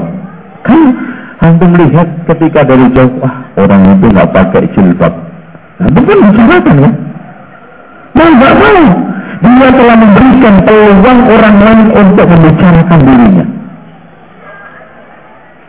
Sehingga dari sekalian kalau antum maksiat sudah ditutupi Allah, jangan dirobek penutupnya dengan cerita, wah fulan tadi malam saya begini-begini. Ada sebagian orang malah senang. Wah, tadi malam mas, ngerjain bencong. Loh, Ya Allah, antum sudah ditutupin sama Allah. Maksiatnya sudah dikasih rapat-rapat cerita sama sini. Wah, saya dulu mas, ya kamu sih masih kecil, Ya walaupun tampangnya kayak nyesel ini urusan perempuan ah udah mungkin sekian perempuan udah saya taklukkan. Ini orang konyol bukan orang taubat. Kalau seandainya dia sekarang menyesal mungkin eh, berhenti maaf, mungkin berhenti karena nggak ada peluang aja. Dan udah tua, ya sudah tidak ada apa namanya kekuatan, gitu ya Terus kemudian menampakkan maksiat telah ditutupin dan pelaku dosa sebagai public figure ini juga tolong dicamkan maksiat seperti ini cenderung akan lebih cepat membesar. Walaupun kecil, tapi itu public figure dia telah dan ternyata melakukan kesalahan. Alhamdulillah. Nah, kesalahan-kesalahan lain yang cepat harus diingatkan yang pertama untuk lihat uh, syirik kepada Allah, baik syirik kecil, baik besar, kecil, yang khafi, hilangkan semua. Terus kemudian yang kedua kufur. Kufur itu akbar asghar, hilangkan. Terus kemudian nifak, menafikan yang besar dan kecil juga lenyapkan. Fasik yang besar dan yang kecil. Dan bid'ah, bid'ah itu ada yang bisa mengkafirkan orang. Allah mengeluarkan orang dari Islam seperti bid'ahnya Jahmiyah yang mengatakan bahwa Quran itu makhluk. Maka para ulama semua mengatakan man qala bi anna al-Qur'ana makhluqun faqad kafar. Barang siapa yang mengatakan bahwa Quran itu makhluk maka dia telah kufur keluar dari Islam. Kemudian termasuk eh, eh, apa namanya dosa yang cepat harus dihilangkan adalah zina dan menuduh wanita mukminah berzina. Ketujuh riba, ya ikhwan, anak ingatkan kepada anda semua di majelis mulia ini, riba formal maupun non formal yang dikelola oleh bank resmi atau bank tangan atau bank apa namanya bank kecil atau bank apa saja dengarkan hadis Rasulullah Sallallahu Alaihi Wasallam berikut ini di mana Rasulullah SAW mengatakan inna riba fa in kasura fa inna akibatahu tasiru illa kullin Sesungguhnya riba walaupun jumlahnya banyak pada awalnya, maka akan berakhir dengan sedikit itu sanksi di dunia. Atau adapun di alam kubur dimasukkan sungai darah dan setiap dia ingin keluar maka dikembalikan orang yang menjaga di pinggirnya dengan batu lemparan ke mulutnya langsung balik ke tengah.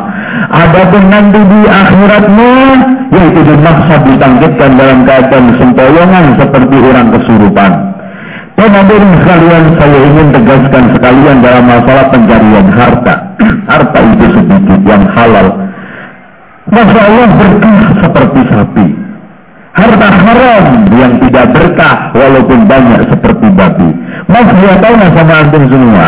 Babi itu sekali lahir berapa mas? Eh? Sekali lahir berapa?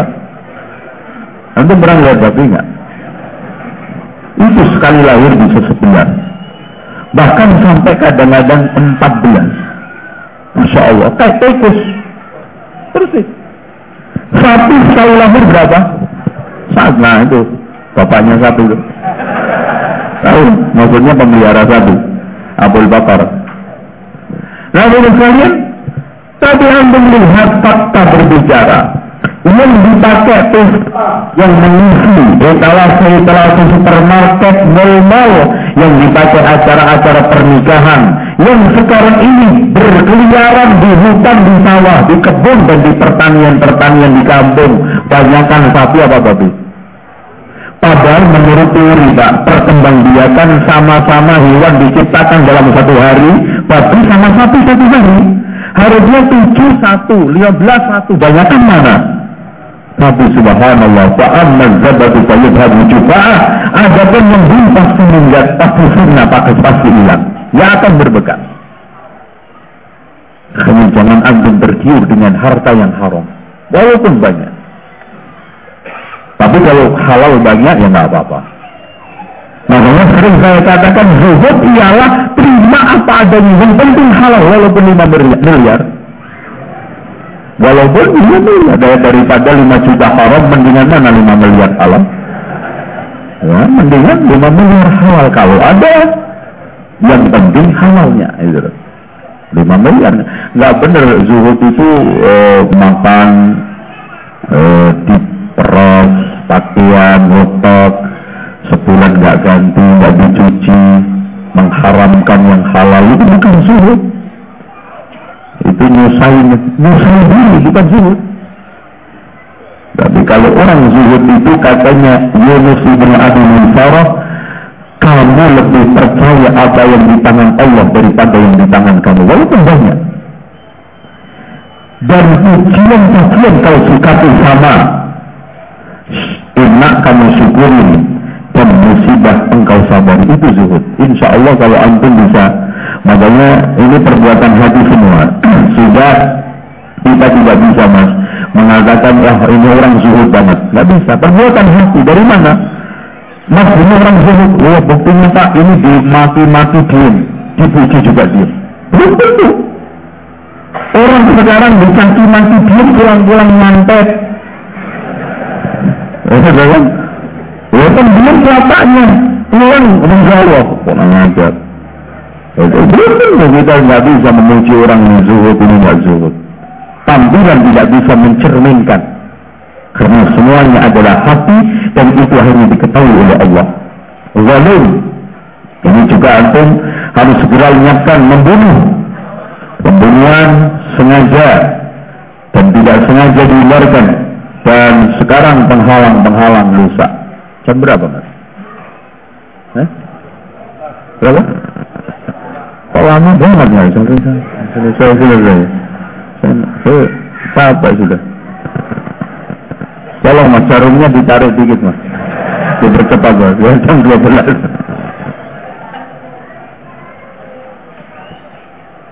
Ikhwan, inilah tema inti.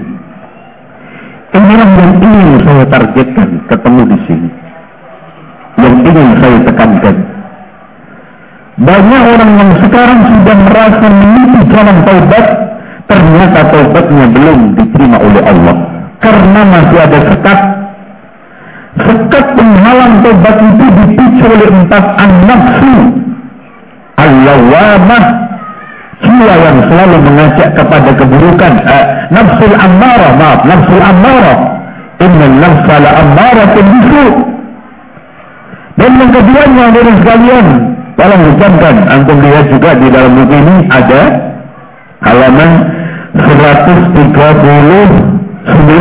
adalah syaitan syaitan itu tidak akan pernah terima hamba Allah itu bertaubat Bagaimana dengan kalian setan bisa bergabung terima? Apalagi iblis sudah susah-susah nyesatin anak Adam 10 tahun. Hapus dalam satu hari. Masya Allah. Setan mana yang gak kesel? Maka Islam zikir yang ibadah yang paling susah itu zikir. Dan yang paling susah di antara zikir adalah istighfar. Karena paling banyak direcokin setan setan mana yang membiarkan anak Adam gampang lempeng istighfar enak aja saya sesatun sepuluh tahun habis satu hari kalau taubat-taubatan nasuha satu hari setan dalam puluhan tahun menyesatkan dia habis makanya ini bantahan Masya Allah bantahan bagus Imam Fakhr Razi terhadap Mu'tazilah yang mengatakan pelaku bisa besar kekal di neraka kata dia apa mungkin tauhid 70 tahun dihapus dengan minum khamr satu hari? Kata beliau kalau sekarang syirik dalam bertahun-tahun dihapus dalam waktu satu hari, kebaikan satu hari yaitu taubat, mana mungkin sekarang ini tauhid 70 tahun yang dilakukan oleh seseorang habis karena melakukan maksiat minum khamr seteguk kemudian lenyap karena orang Mu'tazilah mengatakan pelaku dosa besar itu kan kekal di neraka. Berarti di sini walaupun hanya minum khamr sudah langsung kafir. Kalau dari Islam, kan coba lihat. Apa mungkin seteguk khamr ini mengalahkan tauhid 70 tahun? Kalau sekarang orang syirik berpuluh-puluh tahun melakukan perbuatan syirik seperti Umar bin Khattab berpuluh-puluh tahun hilang menjadi muwahhid dan muslim paling bagus setelah tobat masuk Islam dalam beberapa saat bagaimana mungkin tauhid 70 tahun dihapus dengan satu teguk khamar tidak logis makanya pendapat ahli sunnah wal jamaah menegaskan pelaku dosa besar tergantung kepada Allah. Dikendaki siksa masuk neraka kalau tidak dimaafkan Allah masuk surga. Tapi apa pun keadaannya pelaku dosa besar dengan keimanannya suatu ketika masuk surga dan dengan kefasikannya Allah menyiksa. Kalau mengendakinya kalau tidak dimaafkan dan bisa saja dimaafkan oleh Allah karena beberapa faktor syafaat. Ya. kemudian yang keduanya adalah istighfar doanya orang-orang yang hidup ketika sholat jenazah dan yang lainnya. Masih banyak amalannya menembus dan intinya saya ingin katakan di sini setan selalu menjadi penghalang utama dunia hubung dunia mas. Kalau ikhwan dunia ini antum sikapi setengaja tidak terlalu dicintai dan tidak terlalu dihindari karena dunia ini kayak kalah sinking katanya Yahya bin Mu'ad kalau kamu tidak pinter untuk memegangnya merugiahnya jangan coba-coba pegang sangat repot. Pemohon orang kalau mencari harta dengan cara yang haram kembali kepada Allah, kalau hujankan kembali kepada Allah mengalami dua musibah besar. Harta yang dicari susah payah dengan cara yang haram ditinggal semuanya. Dan nanti ketika ketemu Allah dihisap semuanya. Apa nikmatnya ya Tolong, coba aja. Saya punya rumah saya punya tanah 20 hektar di Sentul, tapi aslinya adalah Spanyol, separuhnya nyolong. Apakah ketika mati dibawa semua? Paling banter yang dipakai kalau seandainya ditakdirkan dikubur di tempat itu, cuma dua kali satu. Itu pun sudah kelebaran. Subhanallah 20 hektar dimintai pertanggungjawaban semuanya tapi ditinggal semuanya. Rumah gedung yang dibangun hasil korupsi, kamarnya sampai Masya Allah 15, tapi penghuninya cuma 5. Yang dipakai berapa mas 5? Tinggal 10. Siapa yang huni kuntilanak? Tapi nanti di akhirat semuanya termasuk subhanallah Jangankan sekarang lampu yang mewah, dekor aksesoris dan pintu-pintu yang megah.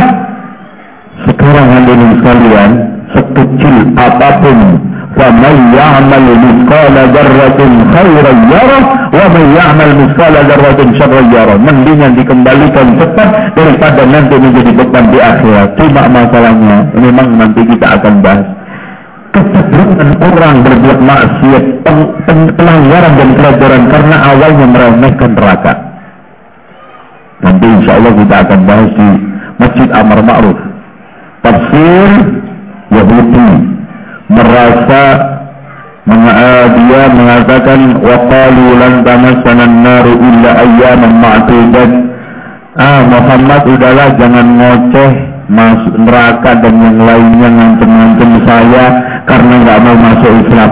Kami kami ini turunan Yahudi nggak masuk neraka kecuali sebentar aja. Ah, nggak neraka. Sebentar Bahkan dia dengan punahnya mengatakan kami dijamin Nabi Yakub turunan Nabi Yakub gak bakal masuk neraka kecuali hanya sebentar.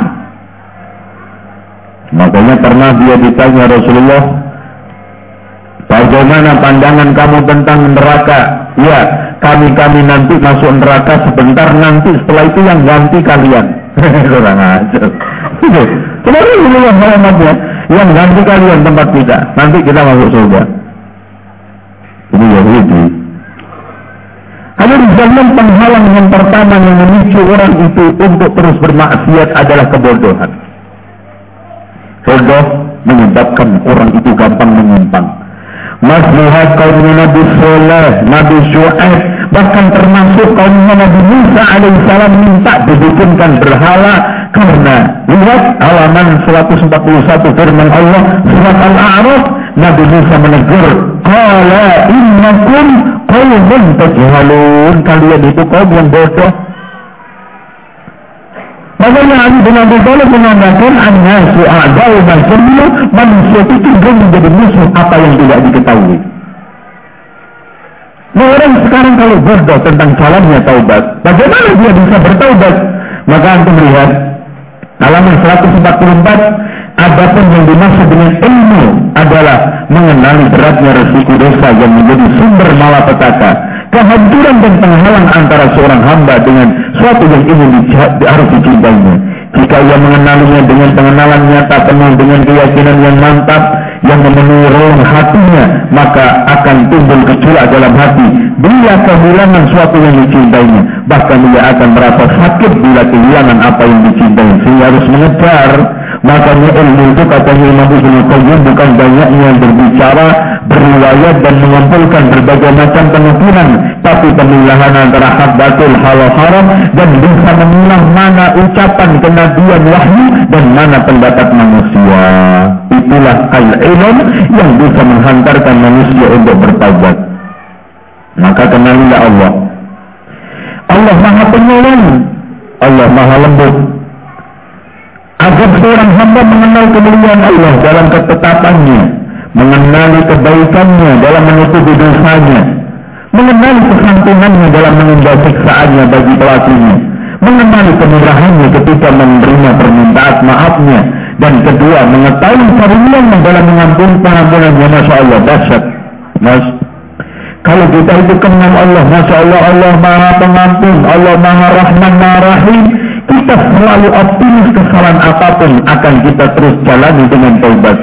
Dan kita kenali Allah maha menyiksa, Allah maha basah siksaannya, kita akan terus muncul rasa takut ketika ingin melakukan maksiat.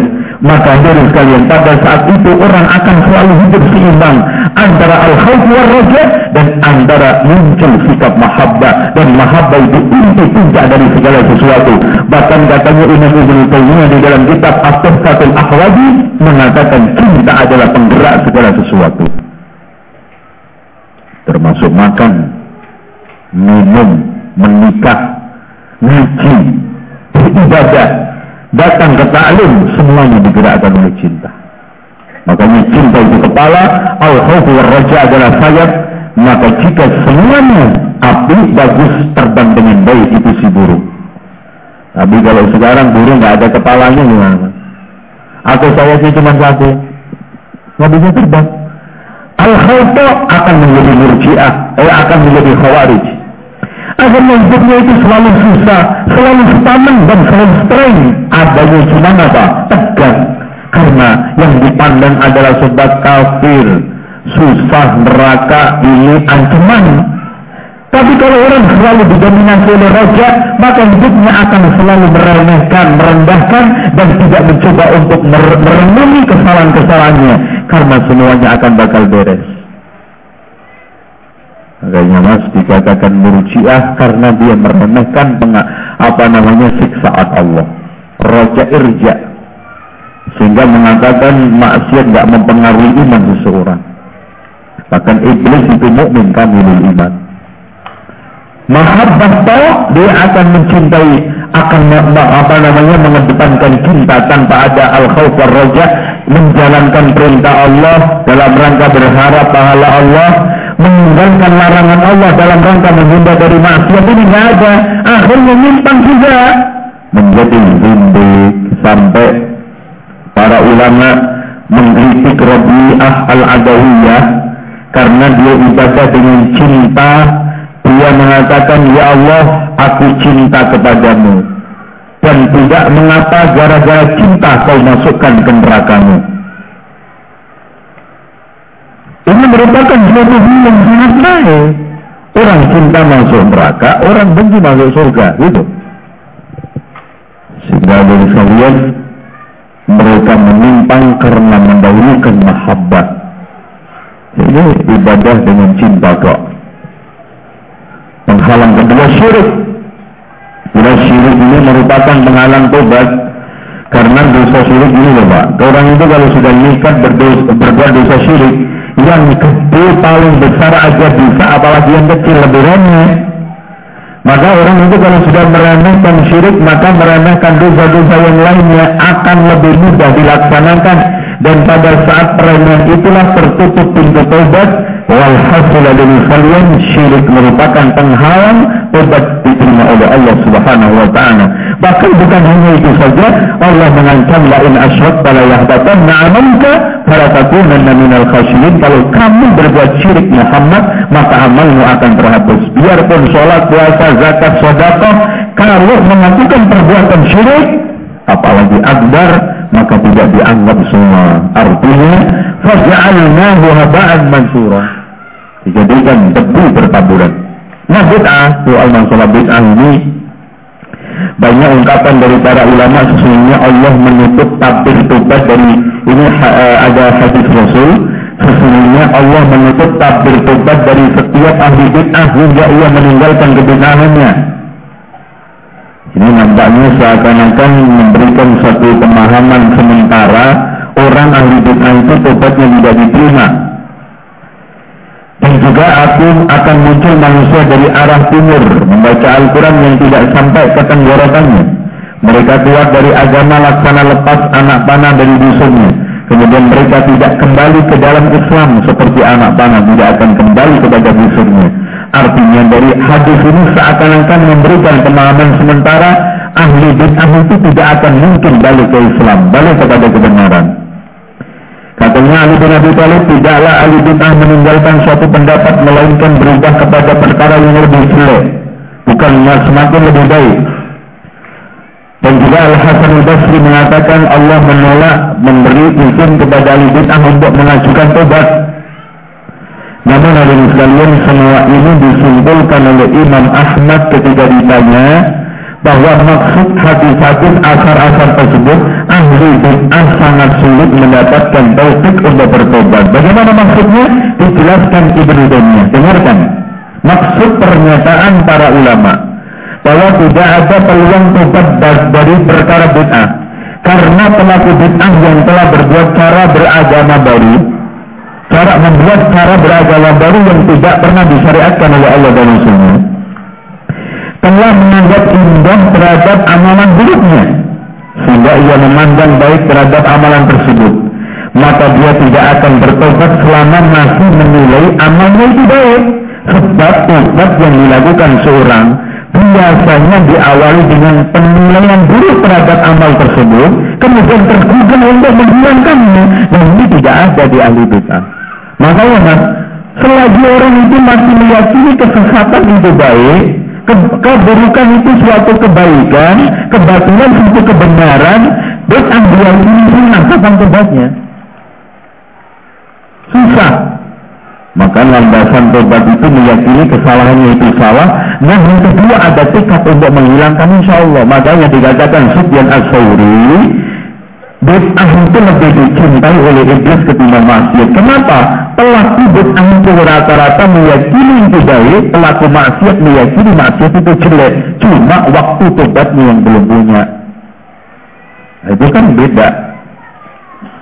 Hawa nafsu dan syahwat, hawa nafsu syahwat ini e, bisa memberikan suatu pengaruh kalau diikuti terus karena lawan nafsu eh, lawan agama itu nafsu, lawan ilmu itu nafsu.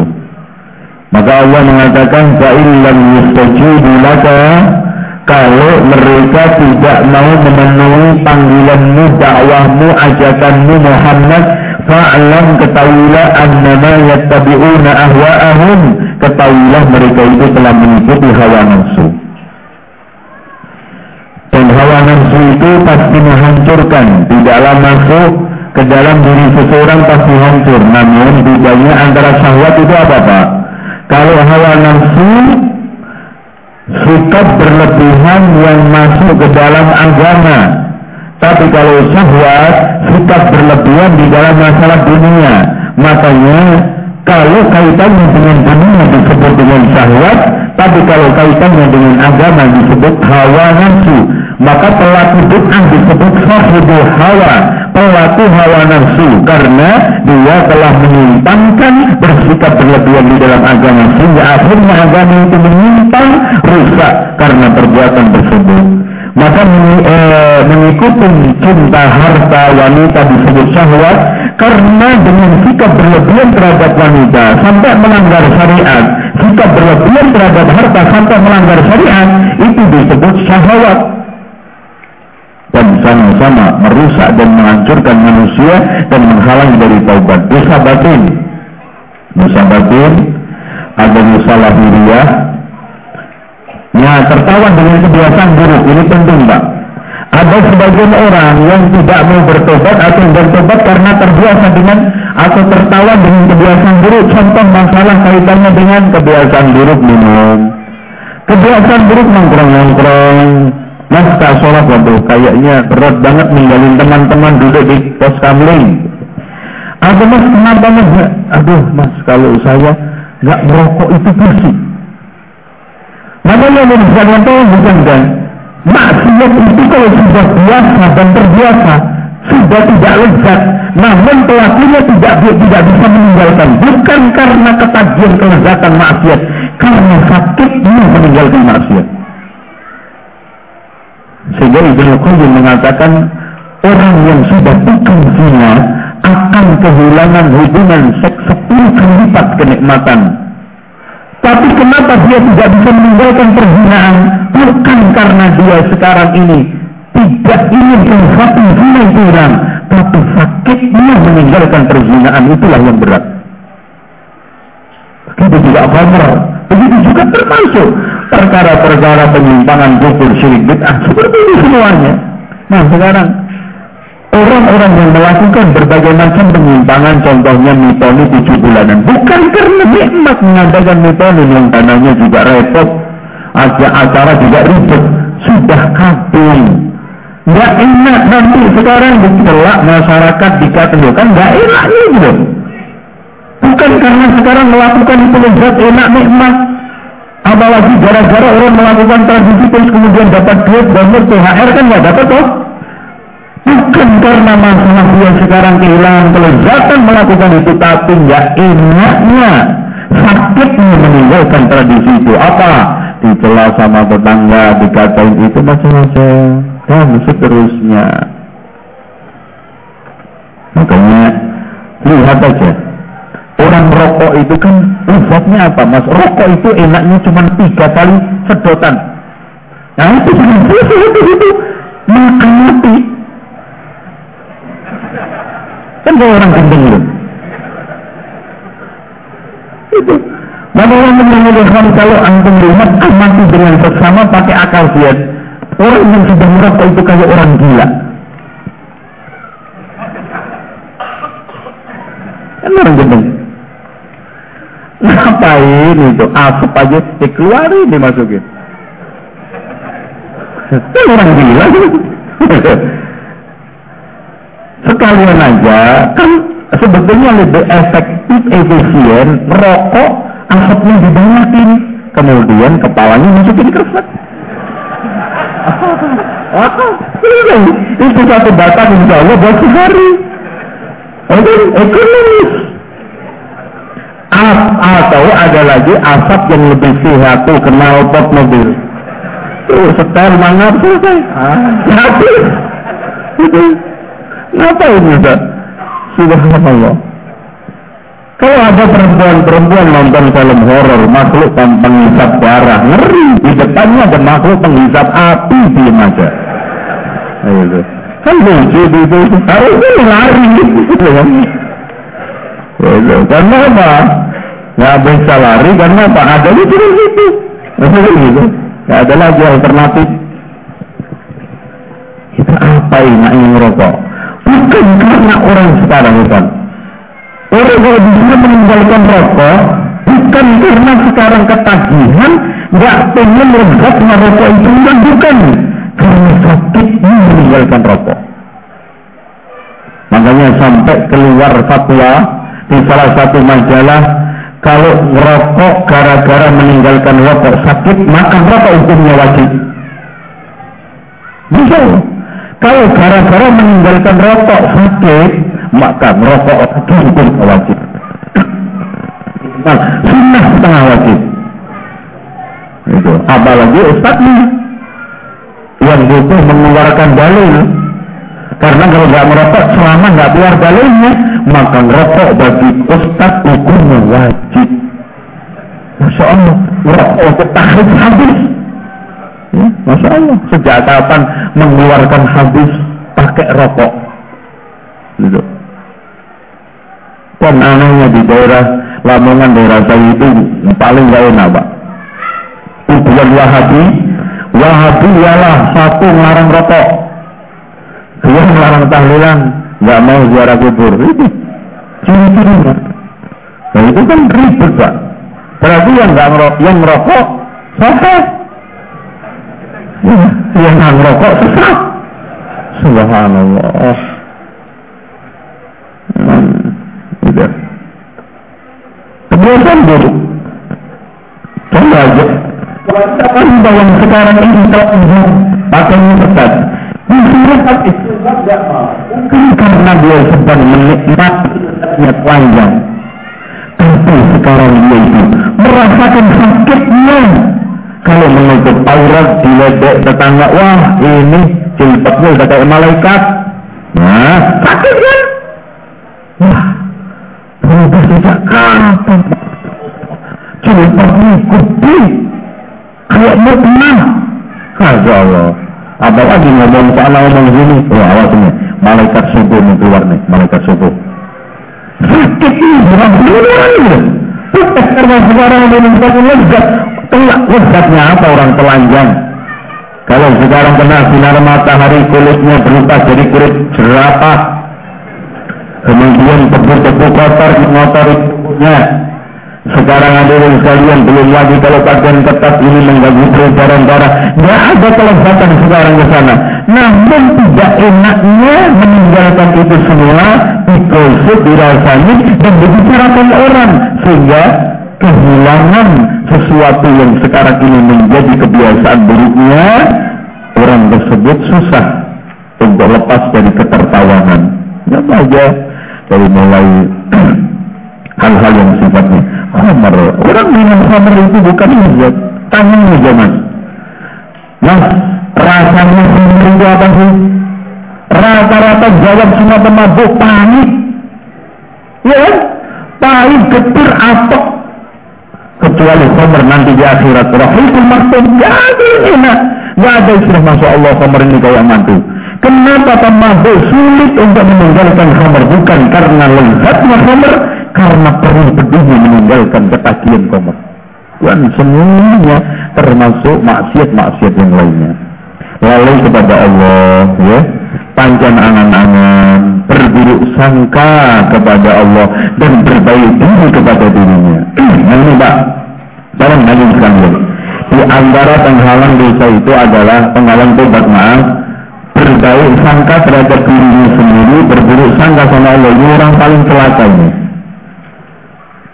Makanya Abu Ali Ar-Rabbadi mengatakan termasuk kami sedang tertipu adalah ketika kami berbuat buruk tapi kami menyangka Allah berbaik berbuat baik kepadamu. Sehingga kami meninggalkan ibadah dan tobat karena menyangka bahwa kesalahanmu telah dimaafkan. Padahal belum. Maka sikap yang benar ya ikhwan menganggap kesalahan yang menganggap besar kesalahan yang kecil dan menganggap kecil kebaikan yang besar. Insya Allah Anda akan menjadi manusia mutakin hamba Allah yang selalu kurang dan merasa kurang di dalam berbagai macam hal. Saya ulangi lagi, usahakan menganggap besar kesalahan kesalahan sekecil apa pun dan menganggap kecil kebaikan sebesar apa pun, insya Allah Anda akan menjadi orang tawadhu. Tapi kalau kita balik, menganggap besar kebaikan yang kecil. Wah, saya sudah bisa sholat begini aja udah untung. Nah, masa lurah aja sholat loh, masa lurah katanya sholat. Apa nggak untung? Ya untung. Yang untung itu siapa? Kemudian menganggap kecil kesalahan yang besar. Celaka ini. Menganggap kecil kesalahan yang besar. Remeh. Ah, anak jelek-jelekan begini mas disayang sama Allah. Saya kalau ke mana-mana dekat sama kiai. Loh, coba kan? Dianggap dia kedekatan dia dengan orang-orang baik walaupun belum bisa nyopot maksiatnya sudah menjadi tanda dia itu disayang oleh Allah, disayang orang soleh. Nauzubillah. Ini adalah awal kebinasaan dan awal kecelakaan dan penghalang daripada taubat. Wallahu a'lam Adapun berikutnya penawar racun maksiat antum baca sendiri di rumah karena napas saya sudah habis. Nanti masih ada lagi. Silakan ada ada waktu untuk tanya jawab 5 menit. ya, lima menit saja.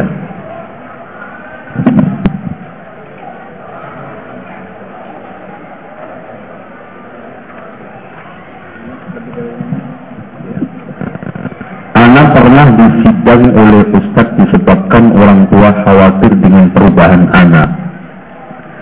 Berjenggot, celana cingkrang, tidak mau tahlilan, maulid dan ngaji kubur.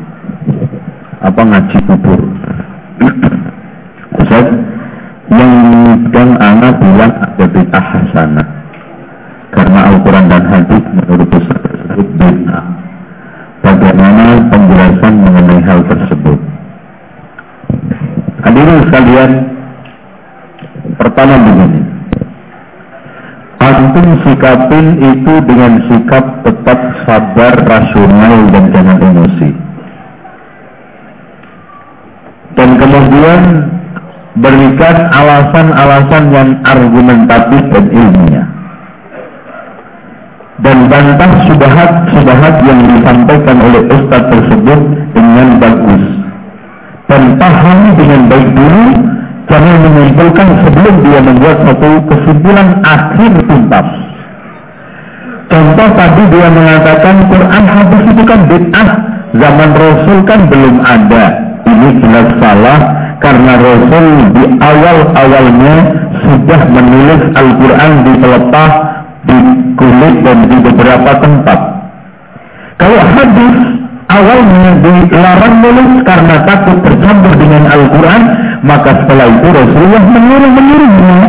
Kalau memang begitu, bukan termasuk bid'ah hasanah.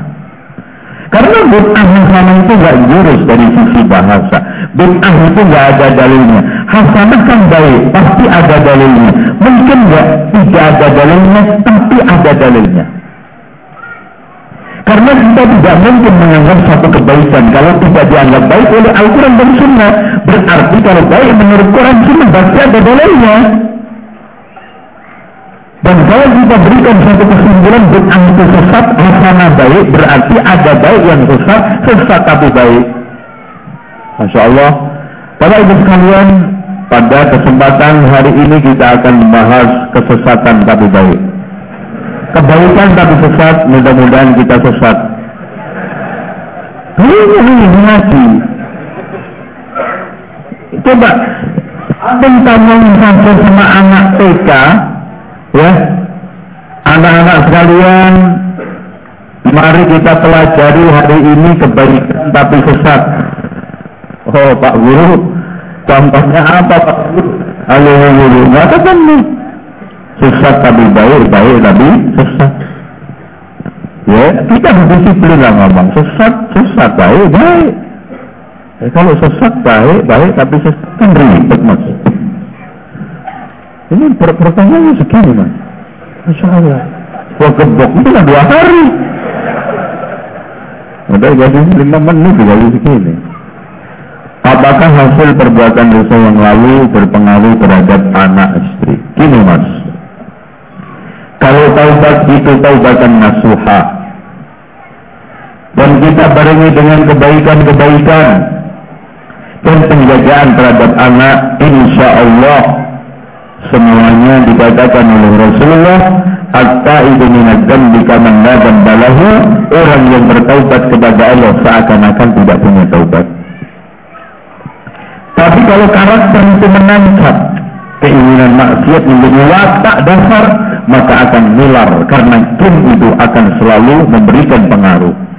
Makanya dalam hadis Rasulullah dikatakan al-irku basasun, jin itu sangat berpengaruh kepada keturunan. Hanya hati-hati. Wow,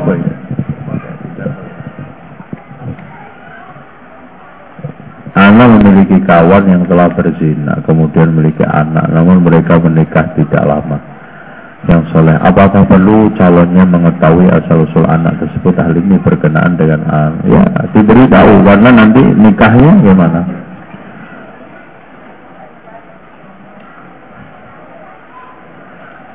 Anaknya laki atau perempuan? Satu lagi, hal ini masih ikhtilaf namun nasab siapa kalau misalnya anak zina itu nasabnya ke ibunya kalau nikah walinya hakim dan zina itu kalau tidak ada pentingnya jangan diceritakan apalagi curhat sama ustad emang ustad bisa ngampuni zina yang mengampuni dosa siapa pak?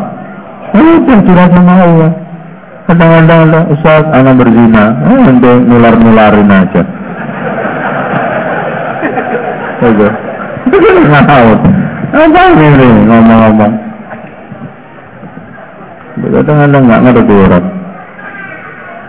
Apa hukumnya mencantumkan nama bapak angkat anak angkat kepada bapak angkat? Boleh, haram. Eh, apa namanya? Yang melahirkan adalah yang bapaknya. Nah,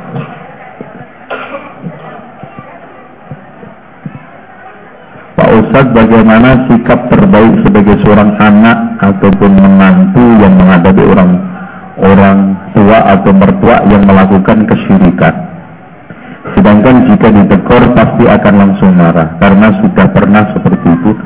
Hadirin sekalian berdakwah itu tidak pernah mengenal putus asa. Jangan menghukumi hati manusia sekarang seperti besok, besok seperti sekarang. Sekarang seperti kemarin. Kemarin, hati itu berubah-ubah. Dan doa yang bukan qulub itu apa artinya? Kita akan mendapatkan kesimpulan sekarang beda dengan yang akan datang. Maka yang penting terus menyampaikan. Cari kesempatan peluang yang pas untuk memberikan satu penjelasan. Jangan sedang melakukan syirik ditegur langsung. Dan cara negurnya yang santun. Ya contoh aja sebagian ikhwan kadang-kadang menerapkan sunnah di rumah itu kaku setelah mendapatkan penjelasan dari Ustaz tentang haramnya isbang, langsung Masya Allah, celana bapaknya digunting kabeh. Akhirnya bapaknya mau kondangan nggak nemu celana. Waduh, celana aku potong kabeh. Suara betis. Emaknya langsung dicuri cabaran. Pokoknya nak, ini gue nikah calon gue akhwat salah. Dia cadaran, pokoknya nak kalau kagak pakai cadar mas walimah, nanti mendingan gue kagak walimah. Oh gitu. Padahal maknya belum apa-apa, jari tangan sebelum copot. Lo mau bawahnya jari, atasnya cadar. Ini nggak lucu. Apa kadang-kadang orang nanti bapaknya bibit pak, bapak ini ahli bid'ah, benar. Aduh, anak ini ngaji nang sopo Wah, tak susah-susah gede nang gue deh. Saya sekolahnya buaya kok sekarang jadi kesokan neraka. Ini anak. Ya benar, ya betul kalau caranya seperti ini di stop ngaji itu. Nanti akhirnya yang jelek ustaznya itu siapa ustaznya kan gitu. Itu yang dakwah itu bil hikmah. Di mas pertama kali pahami karakter dulu. Ajak dialog secara umum dulu. Ya masalah umum kalau kampung pertanian kalau ini apa aja penting aja gitu. Coba bayangkan saya sering sampaikan saya menyadarkan orang tua merokok itu aja butuh tujuh tahun Coba bayangkan Mbak, menjadi pemimpin tahlilan, setiap tahlilan dapat rokok gratis dua pak. Coba, saya itu kalau pulang lihat rokok sama itu ya Allah, ini masuk asapnya ke badan semua. Tapi saya nggak putus asa, alhamdulillah hilang, ini hilang semua, pelan-pelan. Gitu loh. Dan kalau tidak sadar, yang penting sudah disampaikan. Pak Ustadz apa yang harus suami lakukan terhadap istri yang susah memakai jilbab? Ada dua, ada dua langkah. Pertama taringan, tarikan saya. Oh, jempol. Ayo. Saya. Tarikan saingan yang jilbaban. Mantap ini. Hmm. Kali-kali dia ajak ketemu nih, deh, jilbaban bagus. Nih, ada. Yang kedua daripada antum susah-susah memelihara istri nggak jilbaban. Mendingan melihara kambing gede-gede banyak buat umroh. Nah, berarti tukar tambah. Nah, itu selesai Tapi semua itu dilakukan di awal dengan nasihat. Caranya pertama diajak tak jalan ke rumah salah seorang ustadz di kolong tolong ustadz nanti istri istri ustadz nasihatin istri saya itu mau jilbaban itu jilbaban ke rumah ustadz aja itu kepaksa itu. Kolong diberitahu dulu. Diajak ngaji tablet sekali-kali kalau memang belum bisa rutin. Kasih buku hadiah kecil-kecil jangan gede-gede. Kalau segede itu lihat aja banget. Apalagi orang begini orang yang sudah lama ngaji aja lihat buku gede malas kecil, baca, Masya Allah penting manfaatnya jilbab. Tidak, insya Allah pelan-pelan diajak bergaul sama orang jilbaban. Ini trik-trik, insya Allah berubah. Kalau enggak ya sudah tadi itu. Dua tip, dua langkah, insya Allah selesai.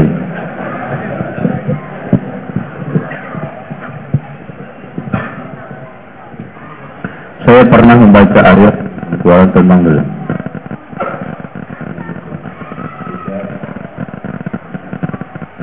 apakah dosa besar seperti bukan zina, riba dan ya. Tidak. Syirik sendiri, zina sendiri. Tapi seperti yang dikatakan saya ini Mbak. Setiap berbuat dosa itu ada unsur syiriknya. Kenapa? Ketika orang itu menyembah, eh, maaf, ketika dia orang itu berbuat dosa, berarti mengutamakan hawa nafsunya. Berarti Afara'aita man ittakhadha ilahahu hawa?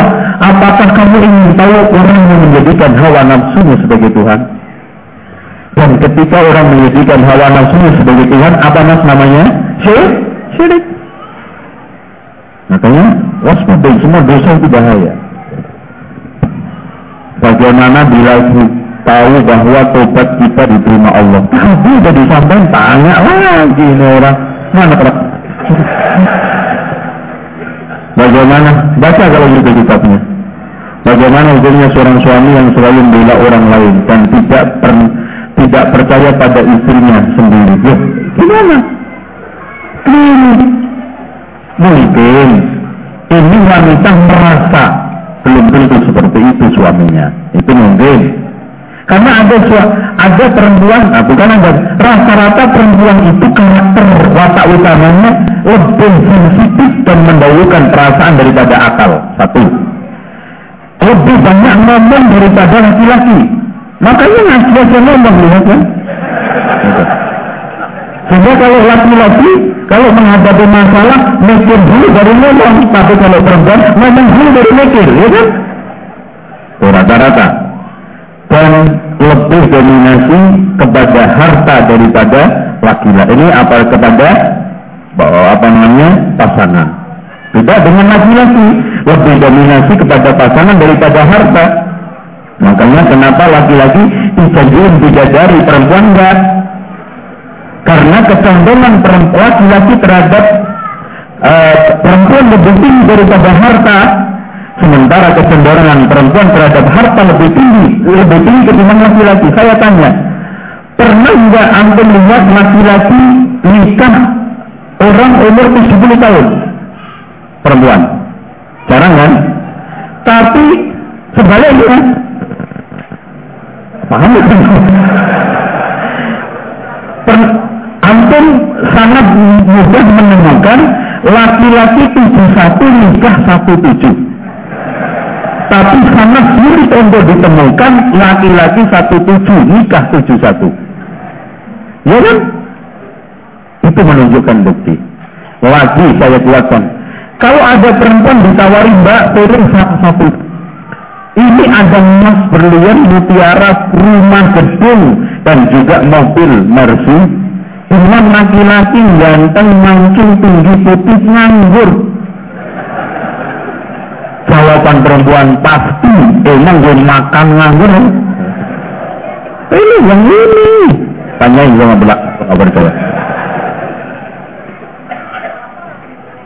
ya udah jangan ngomong oh,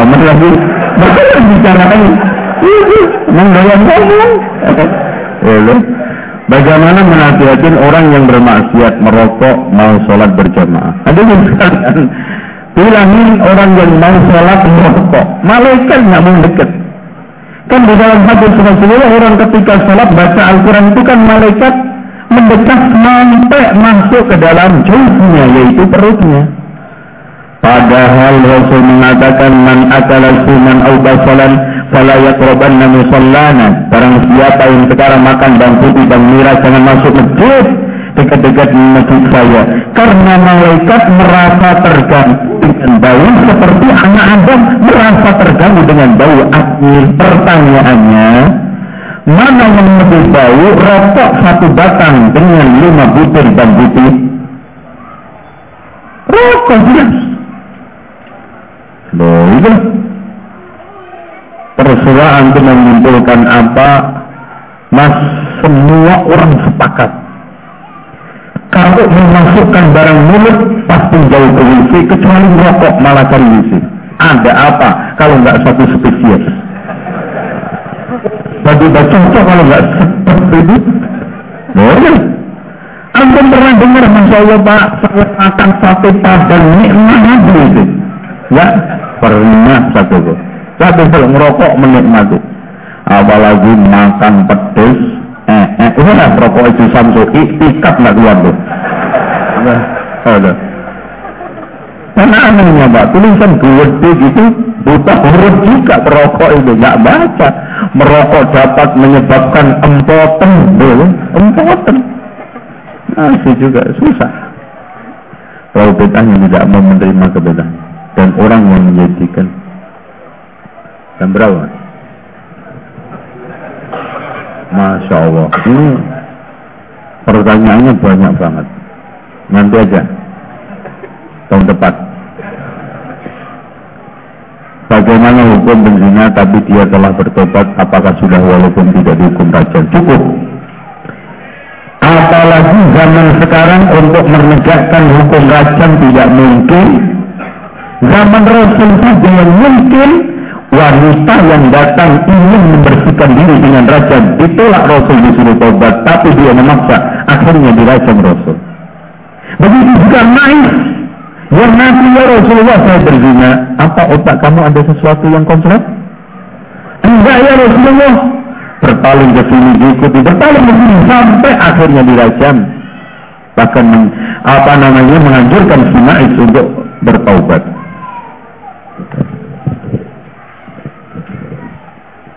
apa siksaan Allah terhadap seorang muslim yang bermaksiat sama dengan siksaan terhadap orang kafir? Apakah neraka untuk orang muslim yang disiksa karena maksiat sama dengan neraka untuk orang kafir? Hadirin sekalian, kaplingan ini tidak terlalu jelas dalilnya, makanya kita tidak usah bahas. Intinya, nama-nama neraka itu penekanan. Jahannam lil kafirin. Inna a'dadna jahannam lil kafirina nuzulah. Fa'ilun buat orang lau kunna nasma'u au na'kilu ma kunna fi ashabi sa'id. Intinya neraka itu dimasukin orang muslim bertingkat-tingkat ada yang paling terendah, paling teringan adalah cuma yang kena adalah sandalnya tok. Itu pun umbul-umbulnya mendidih yaitu Abu Talib. Bagaimana yang masuk kakinya? Bagaimana yang masuk 70 hasta? Bagaimana yang masuk di keraknya? Yang dikeluarkan paling akhir bentuknya seperti arang. Tidak kelihatan. Dan ini saya jelaskan panjang lebar di buku rintangan setelah kematian. Dan nanti proses orang keluar dari neraka terakhir masuk surga terakhir. Tolong jelaskan apalah kelompok Maturidiyah dan dia Abu Hasan Al-Asari. Maturidiyah itu uh, Al-Maturidi Abu Mansur Al-Maturidi ya. Sliding ya sezaman dengan Abu Hasan Al-Asari. Bagaimana cara agar istiqomah dalam ibadah? Wah, ini pertanyaannya satu tablik ini. Bagaimana cara istiqomah beribadah? Karena banyak sekali fitnah. Caranya pertama simpel, tamasuk di kitab wa sunnah. Kemudian ala fahmi salatul ummah. Lalu berlindung kepada Allah dari fitnah. Ketiga jangan sampai lepas dari ilmu sama ulama. Jangan sampai sekarang ini ada rutinitas taklim yang dikendorin. Dan tidak kalah pentingnya ikhwan yang terakhir yang terakhir. Menghindar dari mawaqi'ut Tuhan man arada man arada mawaqi'at Tuhan fala fala man Barang siapa yang menjeburkan dirinya ke tempat-tempat yang meragukan, jangan salahkan orang yang suudon. Kalau anda sekarang jalan-jalannya di mall, tempatnya di gedung kolam, kapan bisa dapat hidayah? Makanya nggak benar ada sebagian kiai yang katanya kiai berkaromah di Jawa Timur, kalau lagi musliman perginya ke diskotik. Masya Allah. Ustaznya ke mana? Pergi ke bar. Kenapa Pak? Lagi muji iman. Masya Allah di masjid aja repot apalagi di bar aneh-aneh aja bagaimana hukumnya saya suka mengisi pengajian ibu-ibu tapi tidak menggunakan hijab karena kemauan mereka masih dangkal yang ngisi perempuan nggak apa-apa kalau laki-laki ya susah ya ya untung paksain ketika ngaji harus pakai jilbab kalau enggak aneh pakai cadar bu ya tapi tetap mulia, repot. Ya kalau begitu ibu ngantar sini, saya ngantar ke sini. Alhamdulillah. Alhamdulillah. Beri nafkah yang cukup. Saya merasa bersalah, tidak bisa memberi nafkah cukup, sehingga saya harus bekerja meninggalkan keluarga berumur. Istri harus bekerja di kantor. Berikan anak terbengkalai berdosa saya. Ya dosa, kita jadi tanyai dosa ya. Karena rumah tangga itu fungsinya ngobrol. Kalau antum pisah untuk apa? Nikah. Gak ada fungsi kecuali status tok suami istri. Anak pendidikan tanggung jawab ya ayyuhalladzina amanuku anfusakum. Nah, makanya sekarang cari solusinya. Begini loh, jangan sampai antum merasa enak, keenakan dengan kondisi itu, itu aja loh. Ada usaha. Dulu Dulu anak pelaku maksiat, insya Allah sekarang bertobat, namun terkadang bernostalgia, melamun. Ini, gendeng. Ini kampat ini. Ini mana ngomong ini? Jangan diomongin. Udah diberitahu, kadang bernostalgia. Ini kan kadang ngiler. Ini Ada pendapat kalau Quran yang jadi mama apa? Siapa bilang mushaf di zaman Rasul itu tidak ada? Rasul sudah memben dan masih ini loh mas. Bid'ah itu nggak ada dalilnya. Sementara Allah berfirman, Inna alaina jam'ahu wa qur'ana. Sungguh yang bertanggung jawab untuk menjaga penghimpunannya dan bacaannya adalah aku yaitu Allah. Berarti ayat ini secara implisit Quran ini suatu ketika dibukukan. Karena inna alaina jam'ahu. Nah kalau segala sesuatu sudah ada dalilnya mana bedanya? Inna alaina jam'ahu wa qur'ana. Kamilah yang bertanggung jawab memelihara penghimpunannya, pembacaannya. Selesai. Nanti terawih bid'ah. Kenapa? Rasul sudah terawih. Ah, apa kriteria anak durhaka? Anda baca untuk anak soleh. Daripada lama-lama. Bagaimana kalau anak tersebut tidak mau tobat? Ya sudah. Itu urusan di antara dia dengan Allah. Karena resikonya anak durhaka ada, resikonya anak yang baik dari walidin sama ada. Intinya in ahsantum ahsantum bi anfusikum wa in asatum falaha wa la taziru waziratu wizra ukhra bagi antum tablet nasihat dakwah kan bolehkah kredit rumah lewat bank bolak balik ditanya. Daripada ngontrak ya jangan. Kok daripada? Ini nanti daripada bengong tahlilan. Saya tahu Amin beli itu kaplingan di Bekasi. Itu dikembangkan terus insya Allah. Ya itu dikembangkan terus. Bagaimana hukum orang yang masih menyimpan musik dan lagu di HP padahal dia tahu itu haram? Ya dosanya berlipat ganda. Melakukan maksiat tahu itu lebih besar. Kadang-kadang disetel di masjid. Jadi masjid kayak gereja sekarang mas. Lagi sholat keluar musik, lagi sholat keluar musik, masya Allah.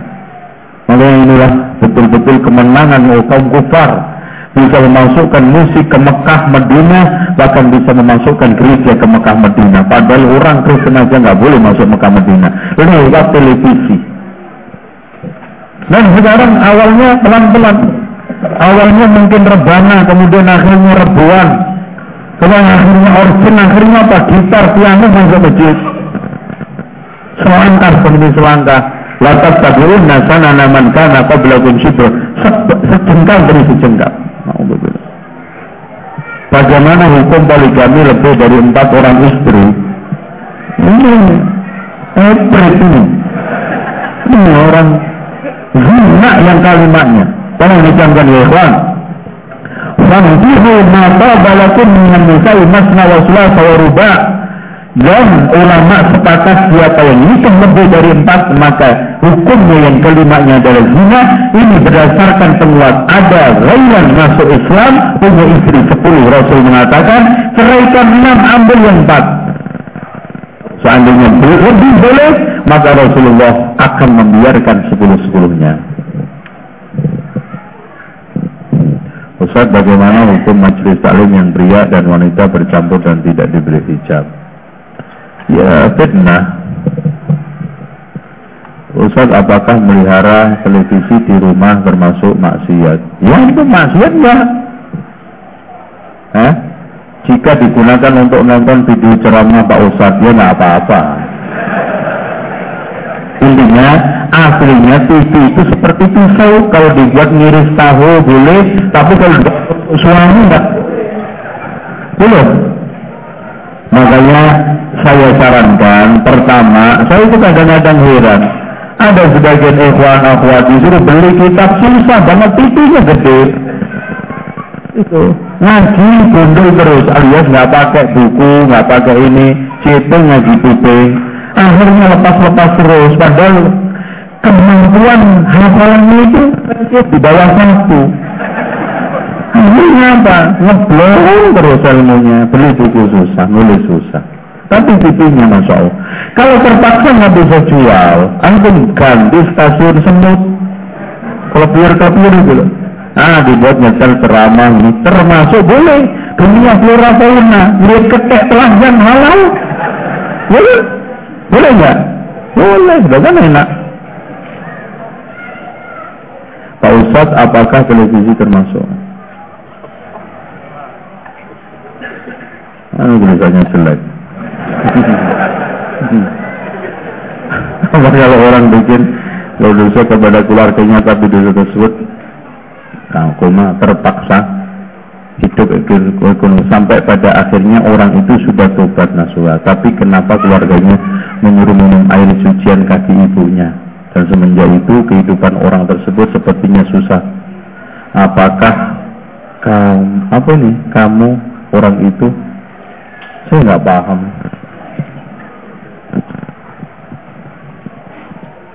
Bagaimana mengajak suami supaya mau ke masjid?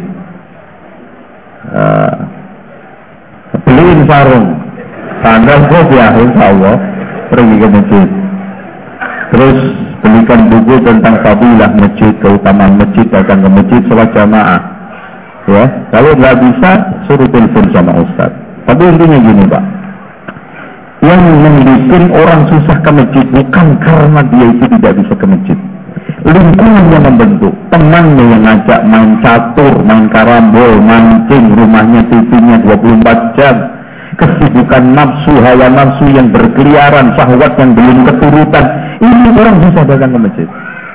Sementara ilmunya ini, pengertian fadilah keutamaan datang ke masjid, pentingnya ke masjid, jamaah ke masjid, gak ada. Padahal puasa ke masjid bagi laki-laki wajib. Ayah, temperamen tak. Kalau orang temperamen gampang.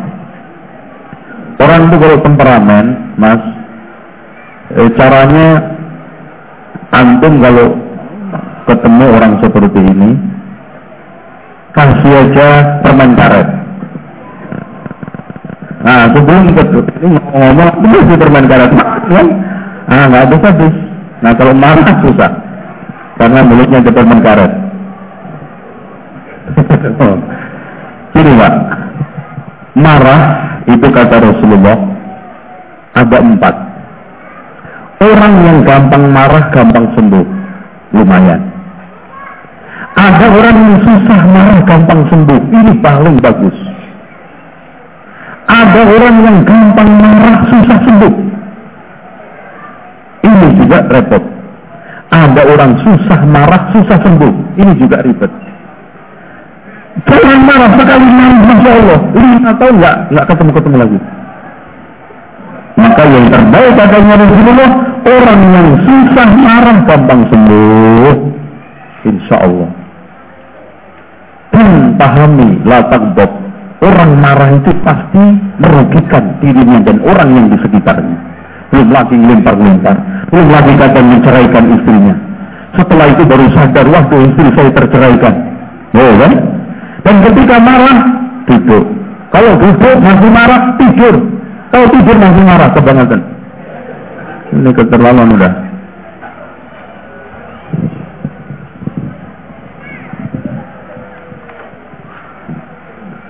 Ya udah ya. Terlalu banyak pertanyaannya. Jadi insya Allah waktu juga yang membatasi. Kita berjumpa kembali di lain kesempatan. Assalamualaikum warahmatullahi wabarakatuh.